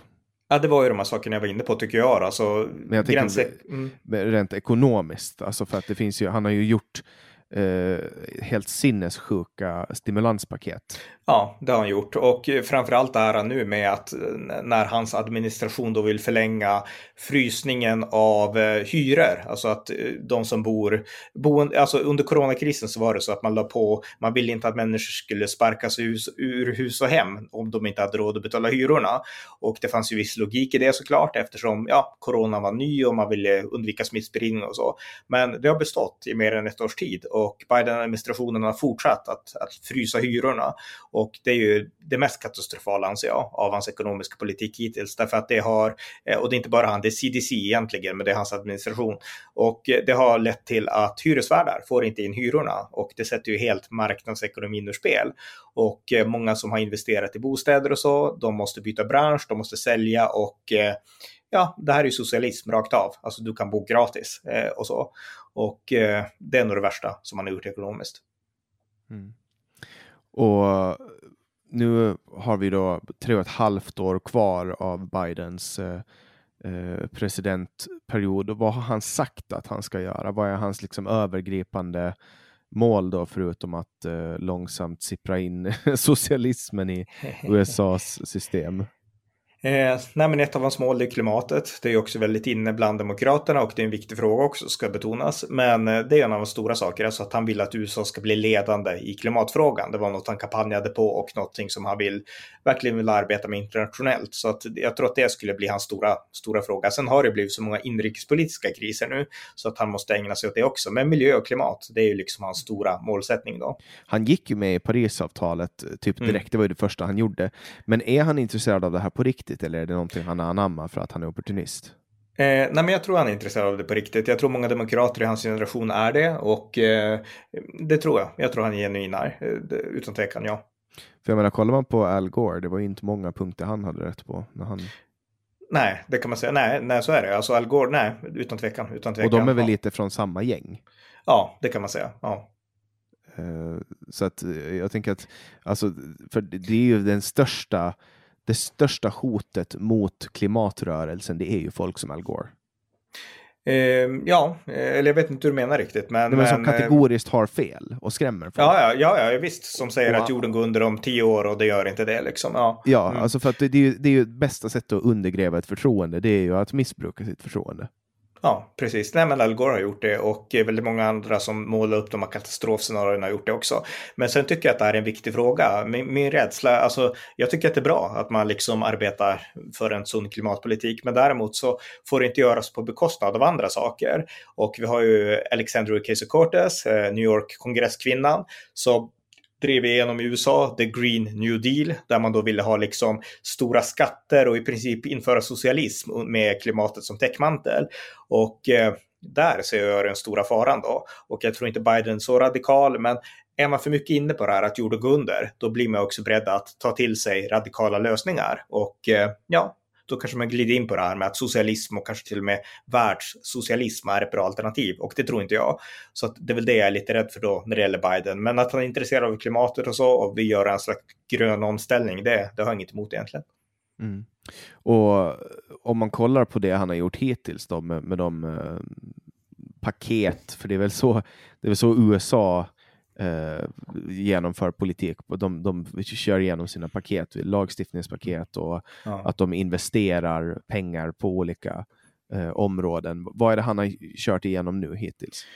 Eh, alltså det, det, det, det, han är inne på nu det är ju den här uh, infrastruktursatsningen då och det är helt rätt att beskriva det som ett paket. Alltså USA behöver fixa sin infrastruktur, få ordning på icke-fungerande vägar, trasiga broar och även alltså det här med internet och liksom sådana saker.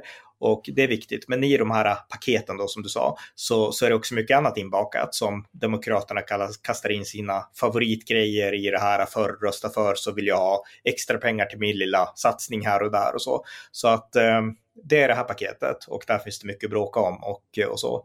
Men, men det är det som är det stora nu. Mm.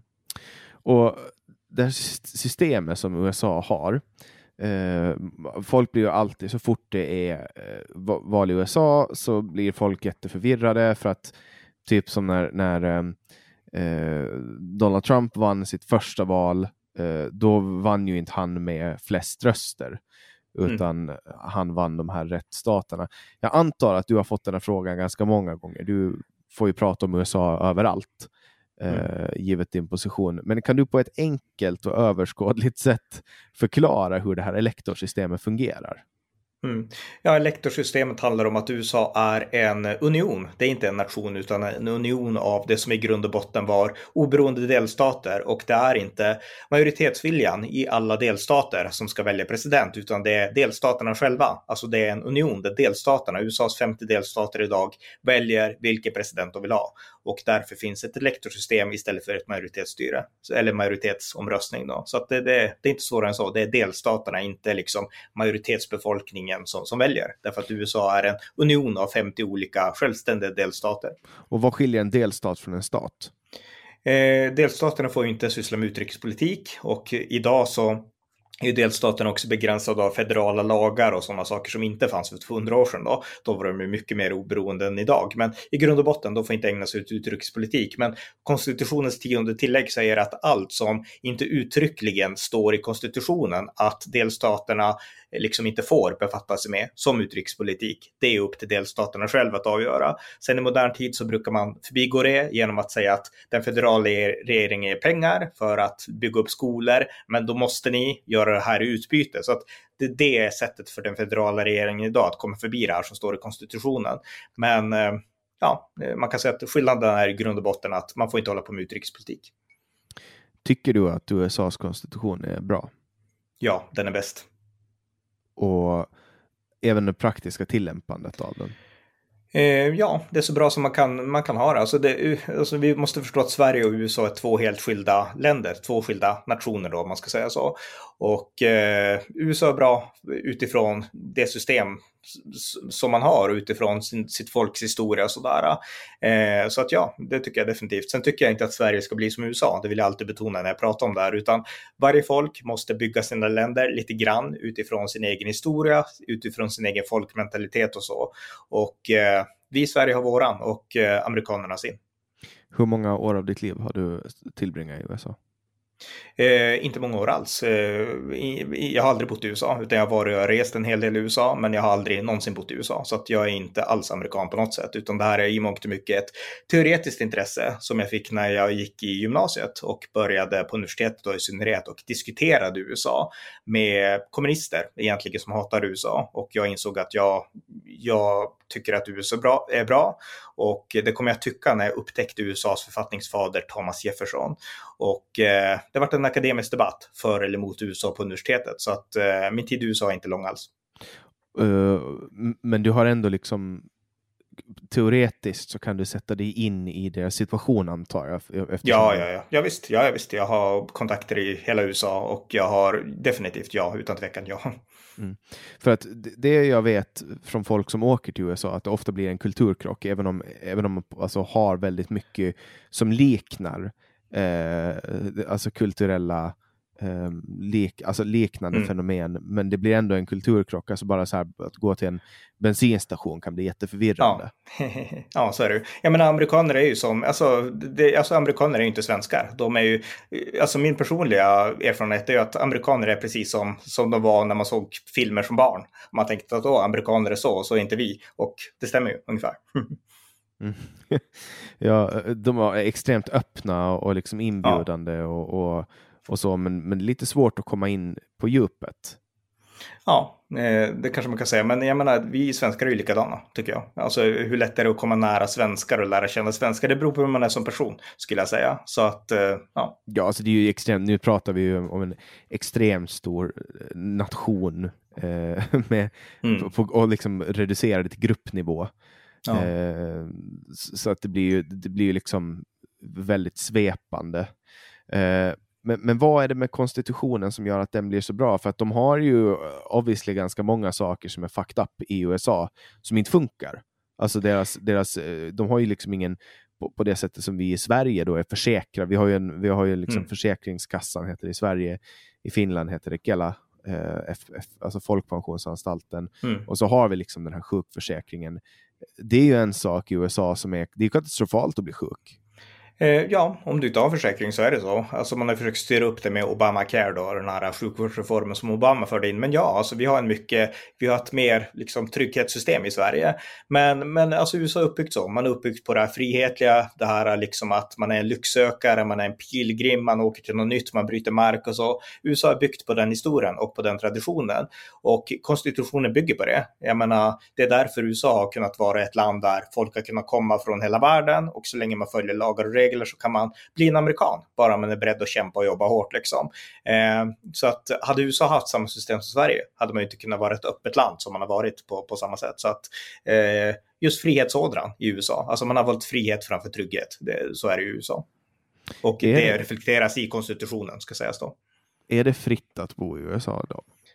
Eh, fritt som i gratis är det ju inte och frihet, nej, nej, alltså, nej, nej, nej, nej, nej det, jag skulle inte säga det. Utan det, det beror på vad man definierar med frihet idag.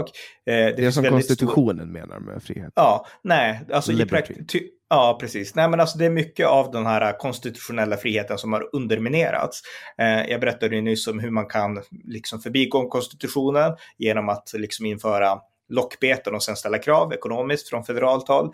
Men rent praktiskt så är USA också, eftersom man ger så mycket frihet på delstatnivå, på individnivå och på institutionsnivå Eh, så skapar man också utrymme för sekter. Och USA har en stor historia, lång historia av olika sekter av olika slag som vi inte har i Sverige. Eh, därför att den, liksom, ja, våran rikspolitik har alltid legat över allting. Eh, så är det ju inte i USA och det ger stora utrymmen till liksom liberala bubblor, till exempel som i Kalifornien, delar av Kalifornien, där det är svårt att vara konservativ till exempel. Och där är man ju inte fri. Eller på campus till exempel där man inte får säga vad man vill därför att om du liksom trampar dem på tårna och säger något konservativt kanske, eh, så kan det stöta människor. Och, eh, så att nej, i praktiken så är liksom allt är inte fritt i USA, nej. Så hur, hur skulle Sverige se ut om man hade en, en sån konstitution som de har i USA? Vad tror du att skulle förändras? Eh, det som skulle förändras till det bättre, det är ändå liksom alltså att eftersom vi är ett så litet land och har lite annan kultur eh, än USA har, så skulle ändå liksom vissa grundlagsrättigheter som yttrandefrihet, rätten till självförsvar, det skulle stärkas.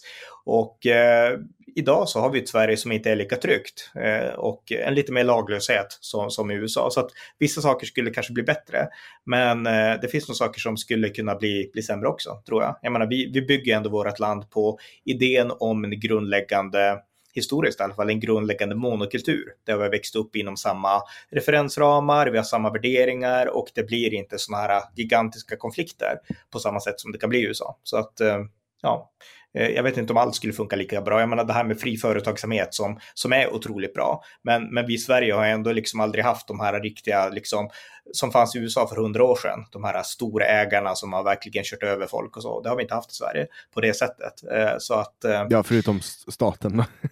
Ja, okej, okay. men ja, okej. Okay. ja.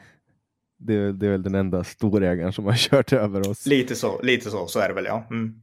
Och när svenska staten försökte gå in och liksom styra företag och sånt så gick det ju åt helvete och då fick de ju sälja ut. Ja, så är det. Så är det.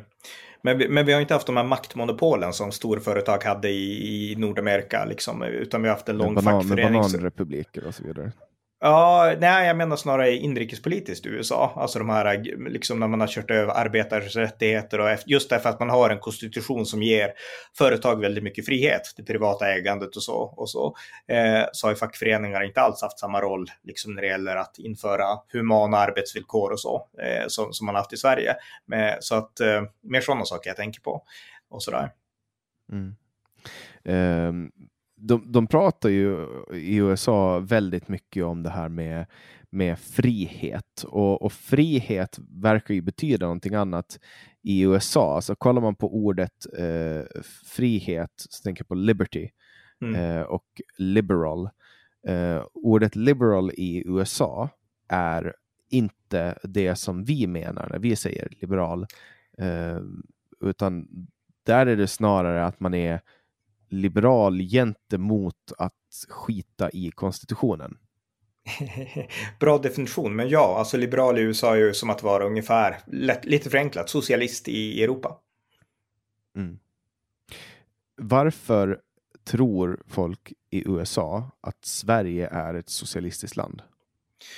Eh, det är en lång föreställning som har funnits sedan Sverige liksom var lite mer socialistiskt än vi faktiskt är nu. Jag menar Socialdemokraterna har styrt väldigt länge historiskt i Sverige och eh, vi har ju hela den här välfärdsstaten, det vi var inne på nyss. Och eh, det är mångt och mycket därför. Man, man har en romantisk bild av Sverige, att Sverige är en fungerande socialdemokrati i motsats till de här ja, kommunistiska länderna som USA har bekämpat genom historien, så var Sverige en fungerande socialistisk stat. Så att ja, det är en historisk föreställning och amerikaner är ju inte liksom, de har inte uppgraderat sig eh, så mycket. Mm. För att Sverige är ju, jag brukar ju ganska ofta prata om socialism och jag tycker väldigt eh, tycker inte att socialism är rätt sätt att gå. Och jag hör och jag ser den överallt. Men mm. vi, är, vi har ju fortfarande rättighet att, att bedriva näring och så vidare. Vi måste visserligen begära tillstånd från människor som inte producerar någonting för att få producera. Eh, men vi är liksom inte en fullfjädrad socialism. Men i USA så verkar det vara ett argument för att införa socialism, alltså ren, ren och skär socialism. Så här, ja, men kolla på Sverige, det funkar ju hur bra som helst. Mm. Ja, men alltså de lever i någon slags, eh, både en förlegad föreställning och en felaktig föreställning om vad Sverige är. Alltså vi är ju inte någon ren, alltså Bernie Sanders, om vi tar honom som exempel, han är ju långt mycket mer vänster än liksom, han är ju med i Vänsterpartiet skulle han vara här i Sverige om han hade bott här. Så att eh, ja, nej, då förstår inte Sverige. Jag, jag, har en kompis som, som pluggade på Yale eh, University och han berättade att hans lärare hade också alltid Sverige som exempel. Och när man då sa att nej, men Sverige, det är inte sådär, det är inte den här liksom socialistiska drömmen som ni fantiserar om och det är inte så att allt funkar perfekt i Sverige. Då läraren trodde inte ens det, utan läraren tyckte bara att det här är, eh, men vad, vad säger du? För det bröt helt mot hans föreställning, hans fantasi om Sverige. Så att de lever i en fantasi om Sverige och i en förlegad bild av kanske hur Sverige var för 50, 60, 70 år sedan. Mm. Jag såg en jätterolig eh, eh meme när eh, Bernie Sanders åkte ut från var det primär, nej, primärvalet. Han, han blev kickad från eller är det mm. intern nominering? Jag, jag, är jättedålig på... Ja, det är primärvalet. Mm. Det primärvalet. Eh, så var det en meme där han gick längs en motorväg och så var det massa människor som följde efter honom och så sa han you can go home now. Och de bara where are you going? Och så svarade han typ I'm going to one of my homes now. ja. Jag tyckte att det var jätteroligt. Ja. För han är ju ja. verkligen i praktiken inte en socialist. Nej, exakt. Och det är väl det som är kännetecknande för många socialister, kanske både, alltså inte bara i USA utan även i Europa, att många socialister är ju ganska rika för att man, man göder sig på staten. Och eh, det gjorde man ju inom kommunistiska samhällen också. Alltså kommunistpartiet, de, de fick pengar av folket, medan folket ja, fick inte så mycket pengar. Nej, medan folket fick uthärda alla vedermödor som krävs för att upprätthålla en, en kommunistisk mm. stat. En kommunistisk stat faller ju alltid till sist. Ja, det. Och, och, det är ofta liksom inom ett halvt sekel. Som det finns, jag kan inte tänka någon kommunistisk stat som har stått mer än ja, Sovjet är väl den som har stått längst. Ja, Nordkorea skulle jag säga, men ja. Ja, men de... Ja, Nordkorea. Ja. jag, vill, jag vill inte kalla det för det. Ja, nej men jag vet inte. Är det, är det en... Det, det, är ju för, det är ju ett helt annat kapitel, alltså, USA, alltså Donald Trumps affärer med Nordkorea. Ja. Mm. Vad, vad fan var det egentligen? Eh, nej men det var ett försök. Det, det, måste man väl ändå säga. Att det var ett försök att eh, kunna övertala en galning som Kim Jong-Un att, eh, att liksom foga sig efter världssamfundet och försöka smickra och muta honom. Och eh, det var väl värt ett försök tycker jag. Så att jag tycker att det var bra. Det var ett av Donald Trumps mer så här uh, upplyftande liksom, idéer. Han ville ju alltid bryta ny mark. Nu testar vi det här för inget tidigare har funkat och det var, det var ett sånt exempel. Så att, ja, det var ju som att se en, en komedi alltså, när man såg de här filmerna. De höll på att skaka hand och uh, Kim Jong-Un sa att de var kompisar och massa sådana grejer. Ja, och sen vart han arg några veckor senare. Liksom, så att, jag började ja. hota med mig ja, nej, det var, det var, det var också så här ganska, det var ganska. Ja, men, men, men kom ihåg då, alltså innan det så var ju liksom hela världen tyckte att Donald Trump pratade om Missile Man som han sa i FN om Kim Jong-Un och man tänkte att oj, nu blir det ett nytt världskrig. Och sen var det bara, nej men nu, vi, vi, vi träffas istället, det blir bättre. Och eh, ja, det blir bättre. Jag menar, det, det, det, var en bättre, det var ett bättre och mer trovärdigt försök att, att samtala med Kim Jong-Un än att det som Biden och Trump har försökt samtala med talibanerna. Så att, eh, ja. Alla de här benådningarna som, som eh, Trump gjorde precis sista dagen in office, mm. rent moraliskt var ju några av dem ganska förkastliga tycker jag. Eh, ja, eh, det var de säkert. Jag har inte alla de där i huvudet, men jag är helt säker på att jag minns ungefär vilka han benådade och ja. Men det här är en rättighet som amerikanska presidenter har och eh, alla presidenter gör egentligen så. Bill Clintons, han gjorde ju den roligaste benådningen när han benådade sin lillebror från några sådana knarkiga grejer liksom. Så att det här är en tradition som, som amerikanska presidenter... Ja. De bara får gå bananas med benådningar och ingen får liksom stoppa dem. Ja, det är en presidents rätt, ja. Och det, det, det, kommer också från konstitutionen som ändå är mer än 200 år gammal. Så att, ja. alltså, Finland får ju Finland får ju republikens president också benåda. Okej, okay, det visste jag inte. Nej, men det gör de aldrig. Nej, okej. Okay. det, det, är bara så att, det är bara så att någon vettig människa ska kunna få liksom, säga till om, om rättssystemet går riktigt, riktigt åt helvete. Men, men alltså det, det händer typ inte att... Nej, att man benådar inte kompisar och lillebrorsor och, och sånt. Nej. Nej. Men var det inte också att Nixon blev benådad av av Ford efter att han blev eh, bortplockad. Jo, ja, det, så var det. Mm. Var, var, det. var det någonting de kom överens om?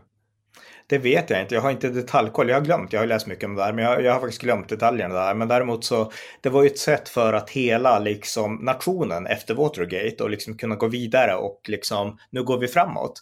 Så jag tycker att det, det var bra. Det var ett sätt att hela nationen och gå vidare. Sen förlorade ju Earl Ford mot Jimmy Carter och det var ett demokratiskt styre sen då. Men, men, men jag tycker det var bra och jag tycker det var helt rätt och Nixon fick ju onödigt mycket skit. Alltså det har ju hänt mycket värre saker än det Nixon gjorde sen dess. Så att Eh, ja, det var en stor grej då i, ett, i en tid när USA var lite, lite tryggare, lite mindre korrupt och så. Eh, och eh, ja, vad ska man säga för någonting? Jag tycker att det var bra.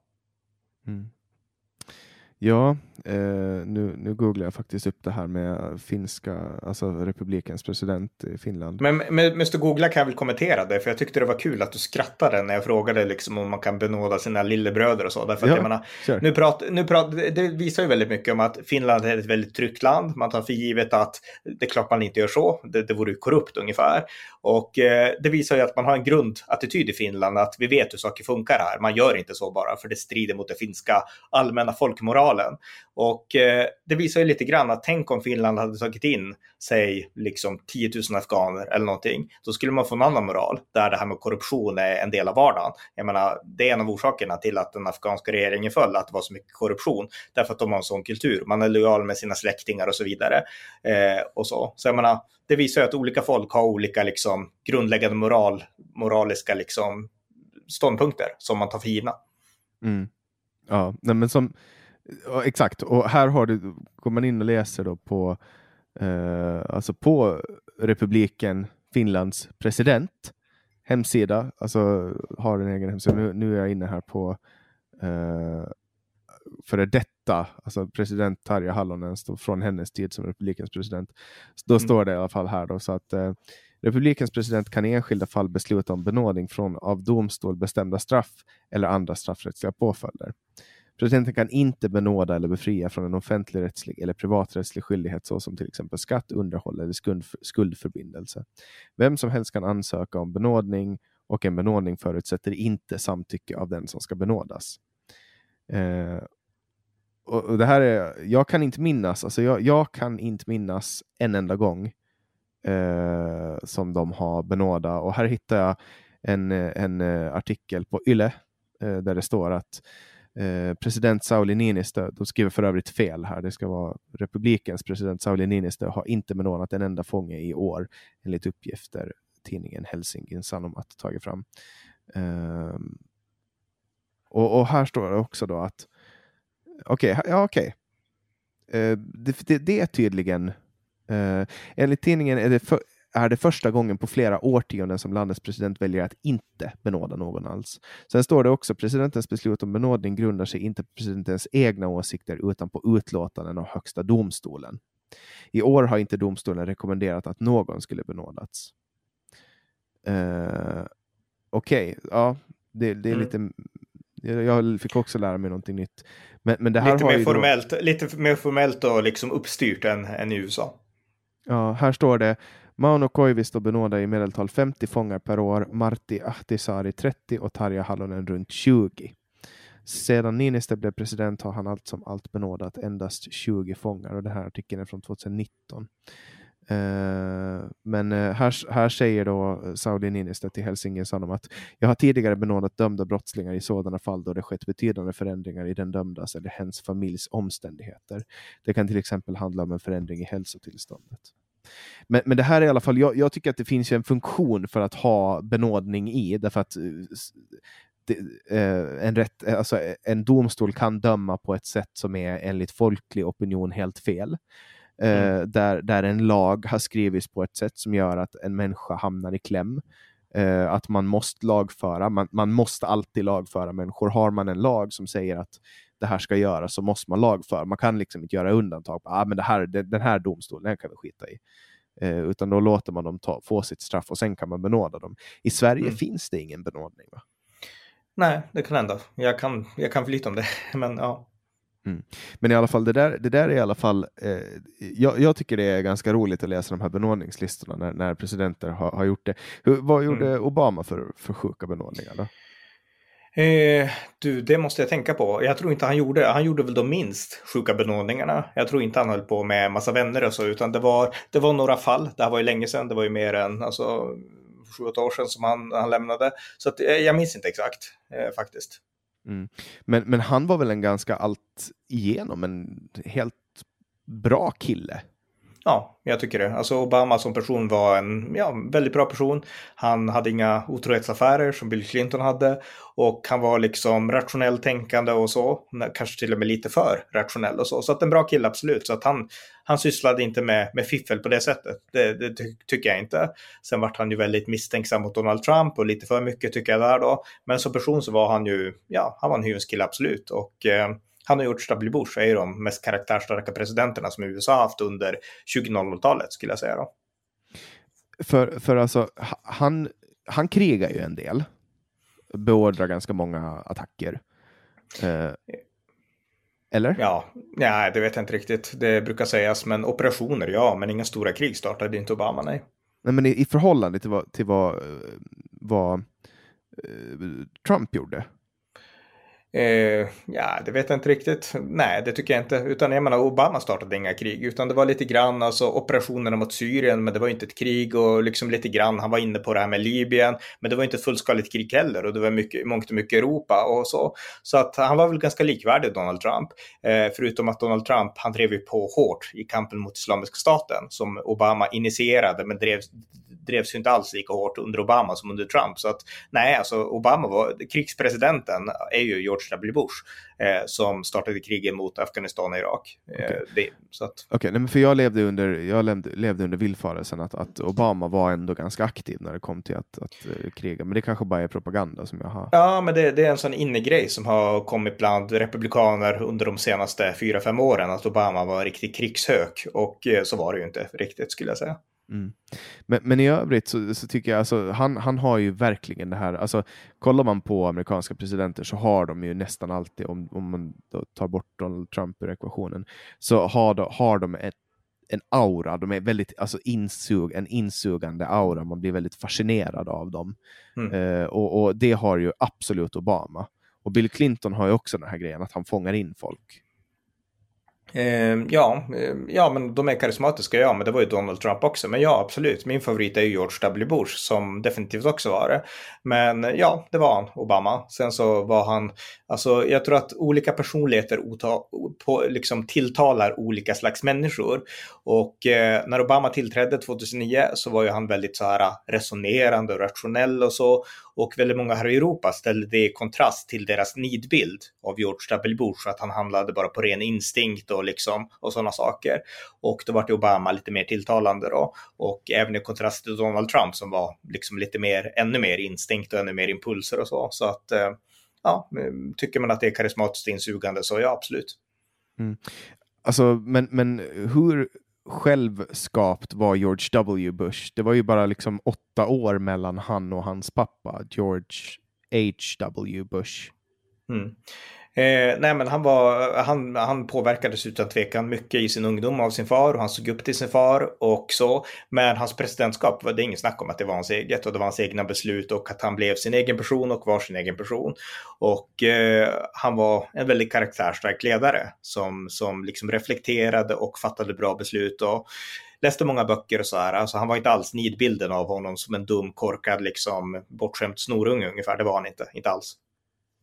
Okej, men så då, då var alltså den yngre eh, var alltså, han var vuxen när hans pappa var president, så att han, han har liksom inte på något sätt växt upp i Vita huset. Nej, nej, nej så var det, precis.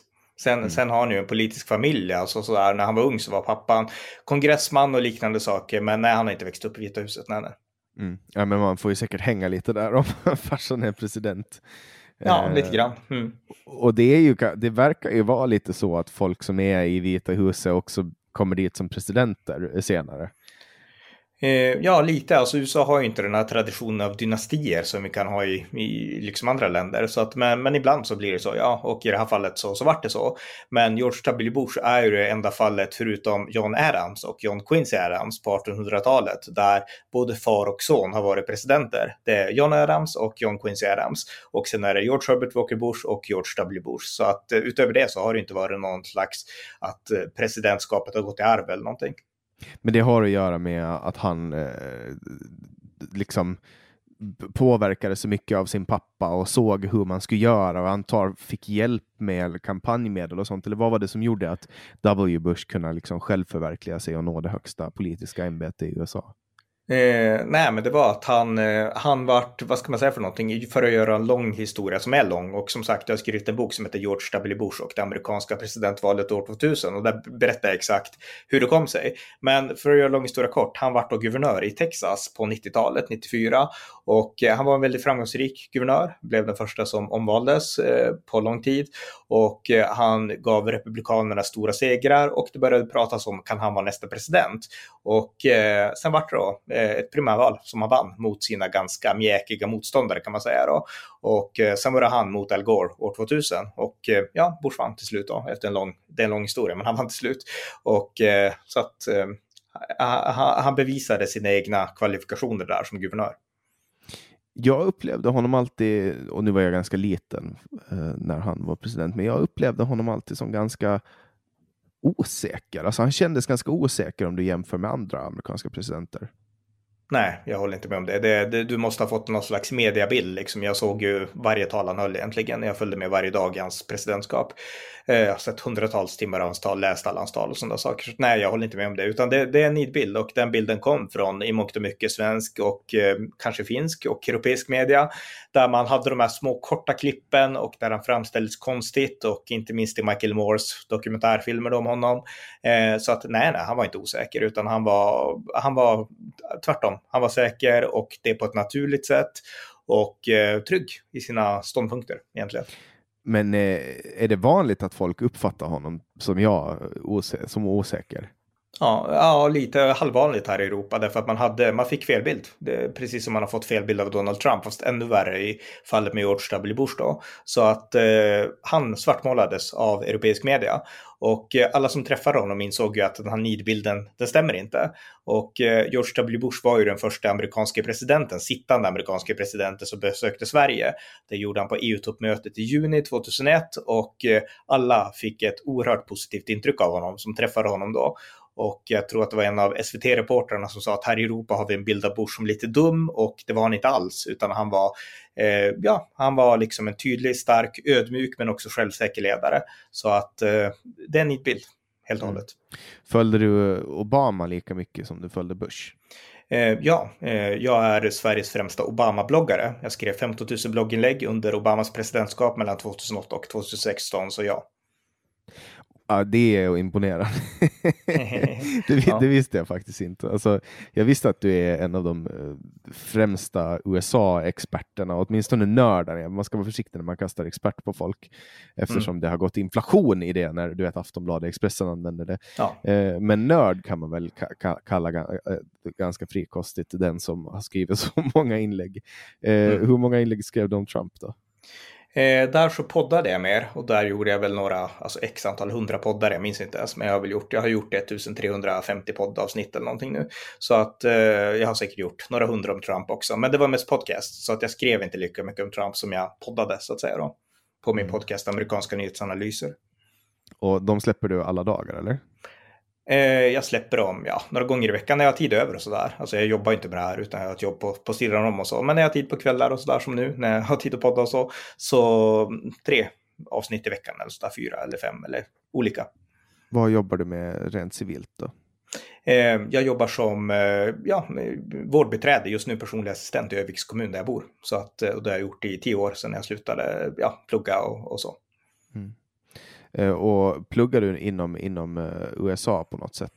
Eh, eh jag, ja, visst. Jag, plugg, eller, jag läste kurser om amerikansk politik, men jag pluggade, nej, jag pluggade på Umeå universitet, då, i min grannstad, statsvetenskap och religionshistoria, med inriktning på kopplingarna mellan religion och politik. Så att det var mitt stora intresse och då blir USA ganska naturligt, därför att religion har alltid en koppling till politik där.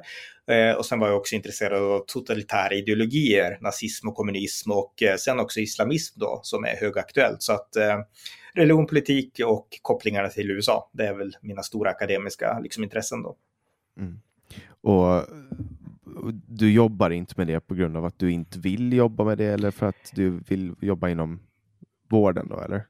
Ja, lite grann. Alltså jag, kommer, alltså jag bor ju i en ganska liten stad och där det inte finns så extremt många akademiska yrken. Så att, så att, men nej, man kan säga så ja. Mm. Men du, och du känner att du vill liksom inte flytta till Stockholm eller så, utan du vill bo kvar ute på?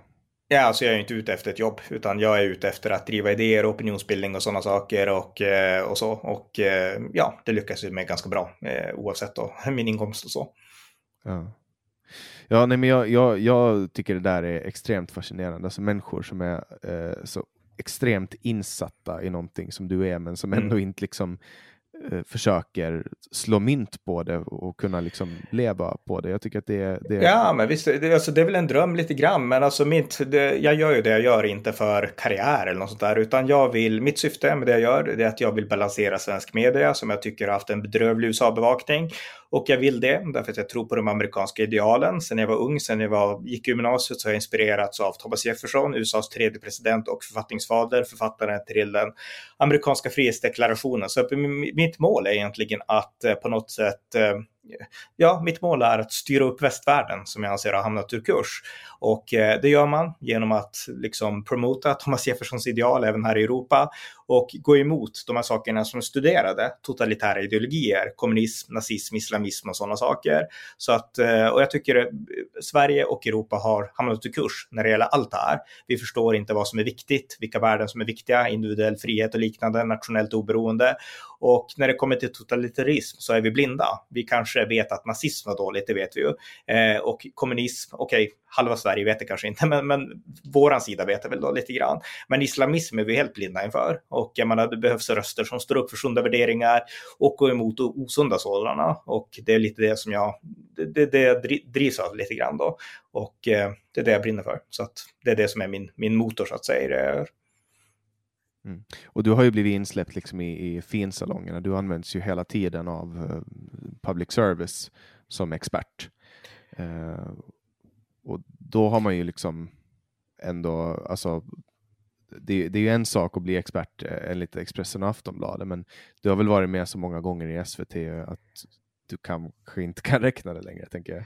Nej, jag kan inte räkna det, men, men det, var, det handlar ju mest om, jag varit mest framställd som en Trump-anhängare och jag tycker att det var en väldigt snäv definition. men, men, men det var i mångt och mycket det då inför presidentvalet förra året när de kallade in mig som en Trump-anhängare. Det var det jag var.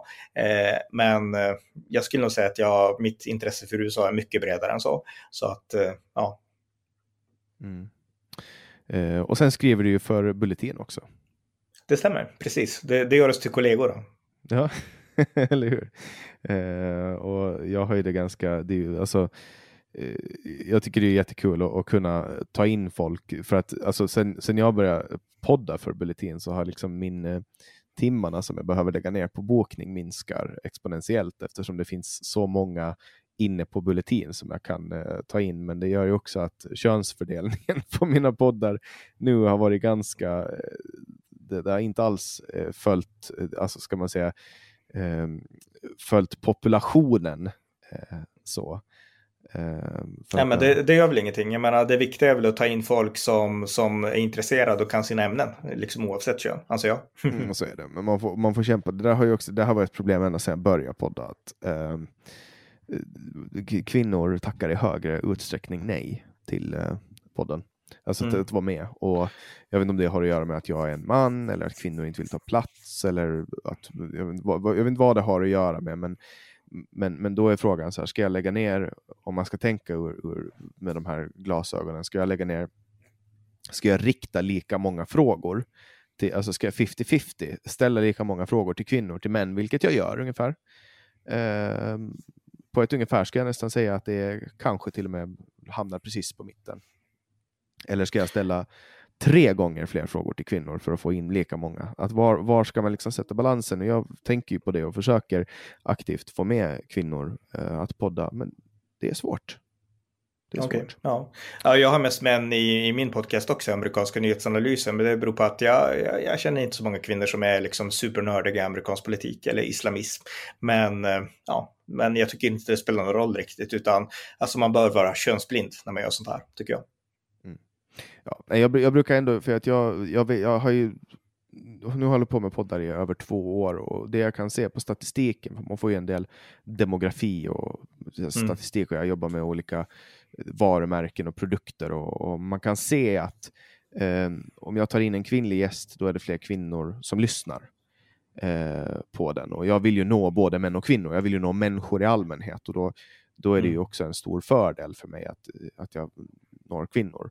Och mitt sätt att nå kvinnor det är att ha med kvinnor i podden. Men ibland är det inte, ibland når det inte, det, blir, det är inte försvarbart att jag ska behöva jaga så extremt länge som jag behöver göra ibland. Men, men nu, nu har jag liksom uppmärksammat det. Nu är det nu, men nu kommer det att komma. Nästa, nästa gäst kommer att vara en kvinna. Det är typ tio män i rad nu. Okej, ja. Mm. Så att, men men jag, jag försöker inte hänga mig åt identitetspolitik. Och det är som du säger, det är ju man, men, men man kan ändå tänka, ja, det handlar ju mest om att inte alienera kvinnor. Det är det. Så att alla ni kvinnor som lyssnar på den här podden, eller som identifierar sig som kvinnor, eller könslösa, eller vad ni nu gör. Jag, jag tänker på att, att eh, också inte fortsätta alienera alla er. Och nu kanske, nu kanske du får uppfattningen att jag är identitetspolitiskt lagd och det är jag Ja, du verkar smickrande och inställsam och försöka locka, locka liksom. Ja, Ja, man vill ju att alla Ja. ska med, du vet. Det är coolt att betala skatt. och så vidare. Uh, alla som tycker att din podd är bra, de kommer att komma med oavsett kön. Så att, uh, ja. Ja, jag hoppas det. Nu citerar jag lite Mona Sahlin. Kanske ska jag bjuda in henne. Eh, ja, men gör det. Mm, mm. Navid, Navid Modiri hade ju med henne. Och det, jag har inte lyssnat på det, men folk sa att det var ett jättebra samtal. Men det här får vi ju eh, göra om. Jag har en annan podd som heter Generation YX så jag kommer garanterat att bjuda in dig till den någon gång när vi ska analysera amerikanska, eh, amerikanska saker, USA-bevakning. jag, jag, jag är född 1979. Är det, är det generation X eller YX? Eller vad är det för något? S- ska vi se. Jag är generation Y, då är du generation X. Just det. Eh, tror jag. Och sen, jo, så är det. Och de som är födda efter mig, då jag är född 94, de är generation Z. Just det. Eh, så att, men det är en annan podd som jag har som också kommer ut på Bulletin då, där jag och Anders Hesselbom sammanfattar nyheter ur ett generationsperspektiv. Eh, och, och där har vi ibland gäster och, och jag tror att vi nu med tanke på vad vi har eh, Afghanistan nu kommer att få anledning att bjuda in dig där i framtiden. Mm. Men, men om jag får bara säga några korta ord till. Alltså, vi har pratat mycket om Afghanistan nu och lite grann om USA. Och eh, det jag brinner för, det är att rädda västvärlden. Och västvärlden, den viktiga beståndsdelen för västvärldens existens, det är alliansen mellan Europa och USA. Och just nu så knakar den alliansen i fogarna därför att Europa har inte kommit överens med, ja, dels Donald Trump men även George W. Bush och Europa i mångt och mycket ogillar USA när republikanerna styr. Och det här gör att alliansen knakar verkligen och det är livsfarligt nu när vi ser det som händer i Afghanistan, det som händer i Kina med liksom kinesisk totalitarism. Eh, västvärlden måste stå enad och eh, USA och Europa måste göra allt för att stå enade nu, för vi har grundläggande samma värderingar, samma tro på demokrati, samma tro på mänskliga rättigheter och så. Och eh, det här är inte tid för splittring utan enhet. Och eh, jag tycker att det, det är liksom en viktig sak som man måste betona i de här tiderna med, med Kina och det som händer i Afghanistan och så. Så att eh, jag ville få det sagt bara. Och hur gör man det då? Eh, man gör det genom att skapa förståelse, genom att göra som vi gör nu, prata om det som händer i USA och kanske även det som händer i Europa och betona de här eh, gemensamma faktorerna. Att eh, USA är inte, även om vi kan tycka att Donald Trump är konstig, så han är fortfarande en person som tror på demokrati, han är en person som tror på mänskliga rättigheter, det gör inte talibanerna i Afghanistan och, och så. Så vi får betona det, vi, vi pratar ju mycket om att vilka kulturella skillnader det finns när man kommer till USA och så, men alltså det är bara ytan. I grund och botten så eh, har vi samma rötter. Vi tror på samma värderingar, vi har samma syn på, på världen i grund och botten. Och det är det vi måste betona så att det inte uppstår den här anti-amerikanismen som jag fick se på en väldigt nära håll när jag, när jag pluggade. Eh, alltså vi, vi måste betona det vi har gemensamt och det är mycket mer än vad vi inte har gemensamt. Mm. Ja, det får bli slutorden för veckans samtal. Jättestort tack Ronny Berggren för att du var med. Tack så mycket. Och till alla er som har lyssnat tackar jag för att ni kommer tillbaks vecka efter vecka och lyssnar och stödjer den här podden genom att prenumerera på Bulletin som pluskund. Gör du det får du ju höra alla de här avsnitten en vecka före alla andra och då får du också tillgång till hela Bulletins plus-sortiment av alla poddar och du får ju självklart också läsa alla artiklar. Du kan också stödja den här podden genom att berätta om den för dina vänner och dina släktingar och alla människor som du känner och stöter på i ditt dagliga liv och dela på sociala medier såklart. Facebook, Twitter, Instagram, Snapchat, WeChat, vad du nu än sysslar med. Dela med dig av den här podden och berätta för dina vänner. Jag släpper nya samtal alla onsdagar året runt och du får ju jättegärna gå in och önska gäster. Det kan du göra på www.samtal.ax. Jag heter Jannik Svensson och du har lyssnat på podcasten Samtal.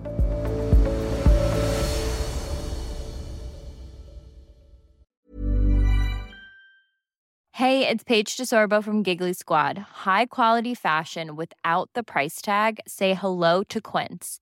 I'm snagging high-end essentials like cozy cashmere sweaters, sleek leather jackets, fine jewelry, and so much more. With Quince being 50 to 80% less than similar brands.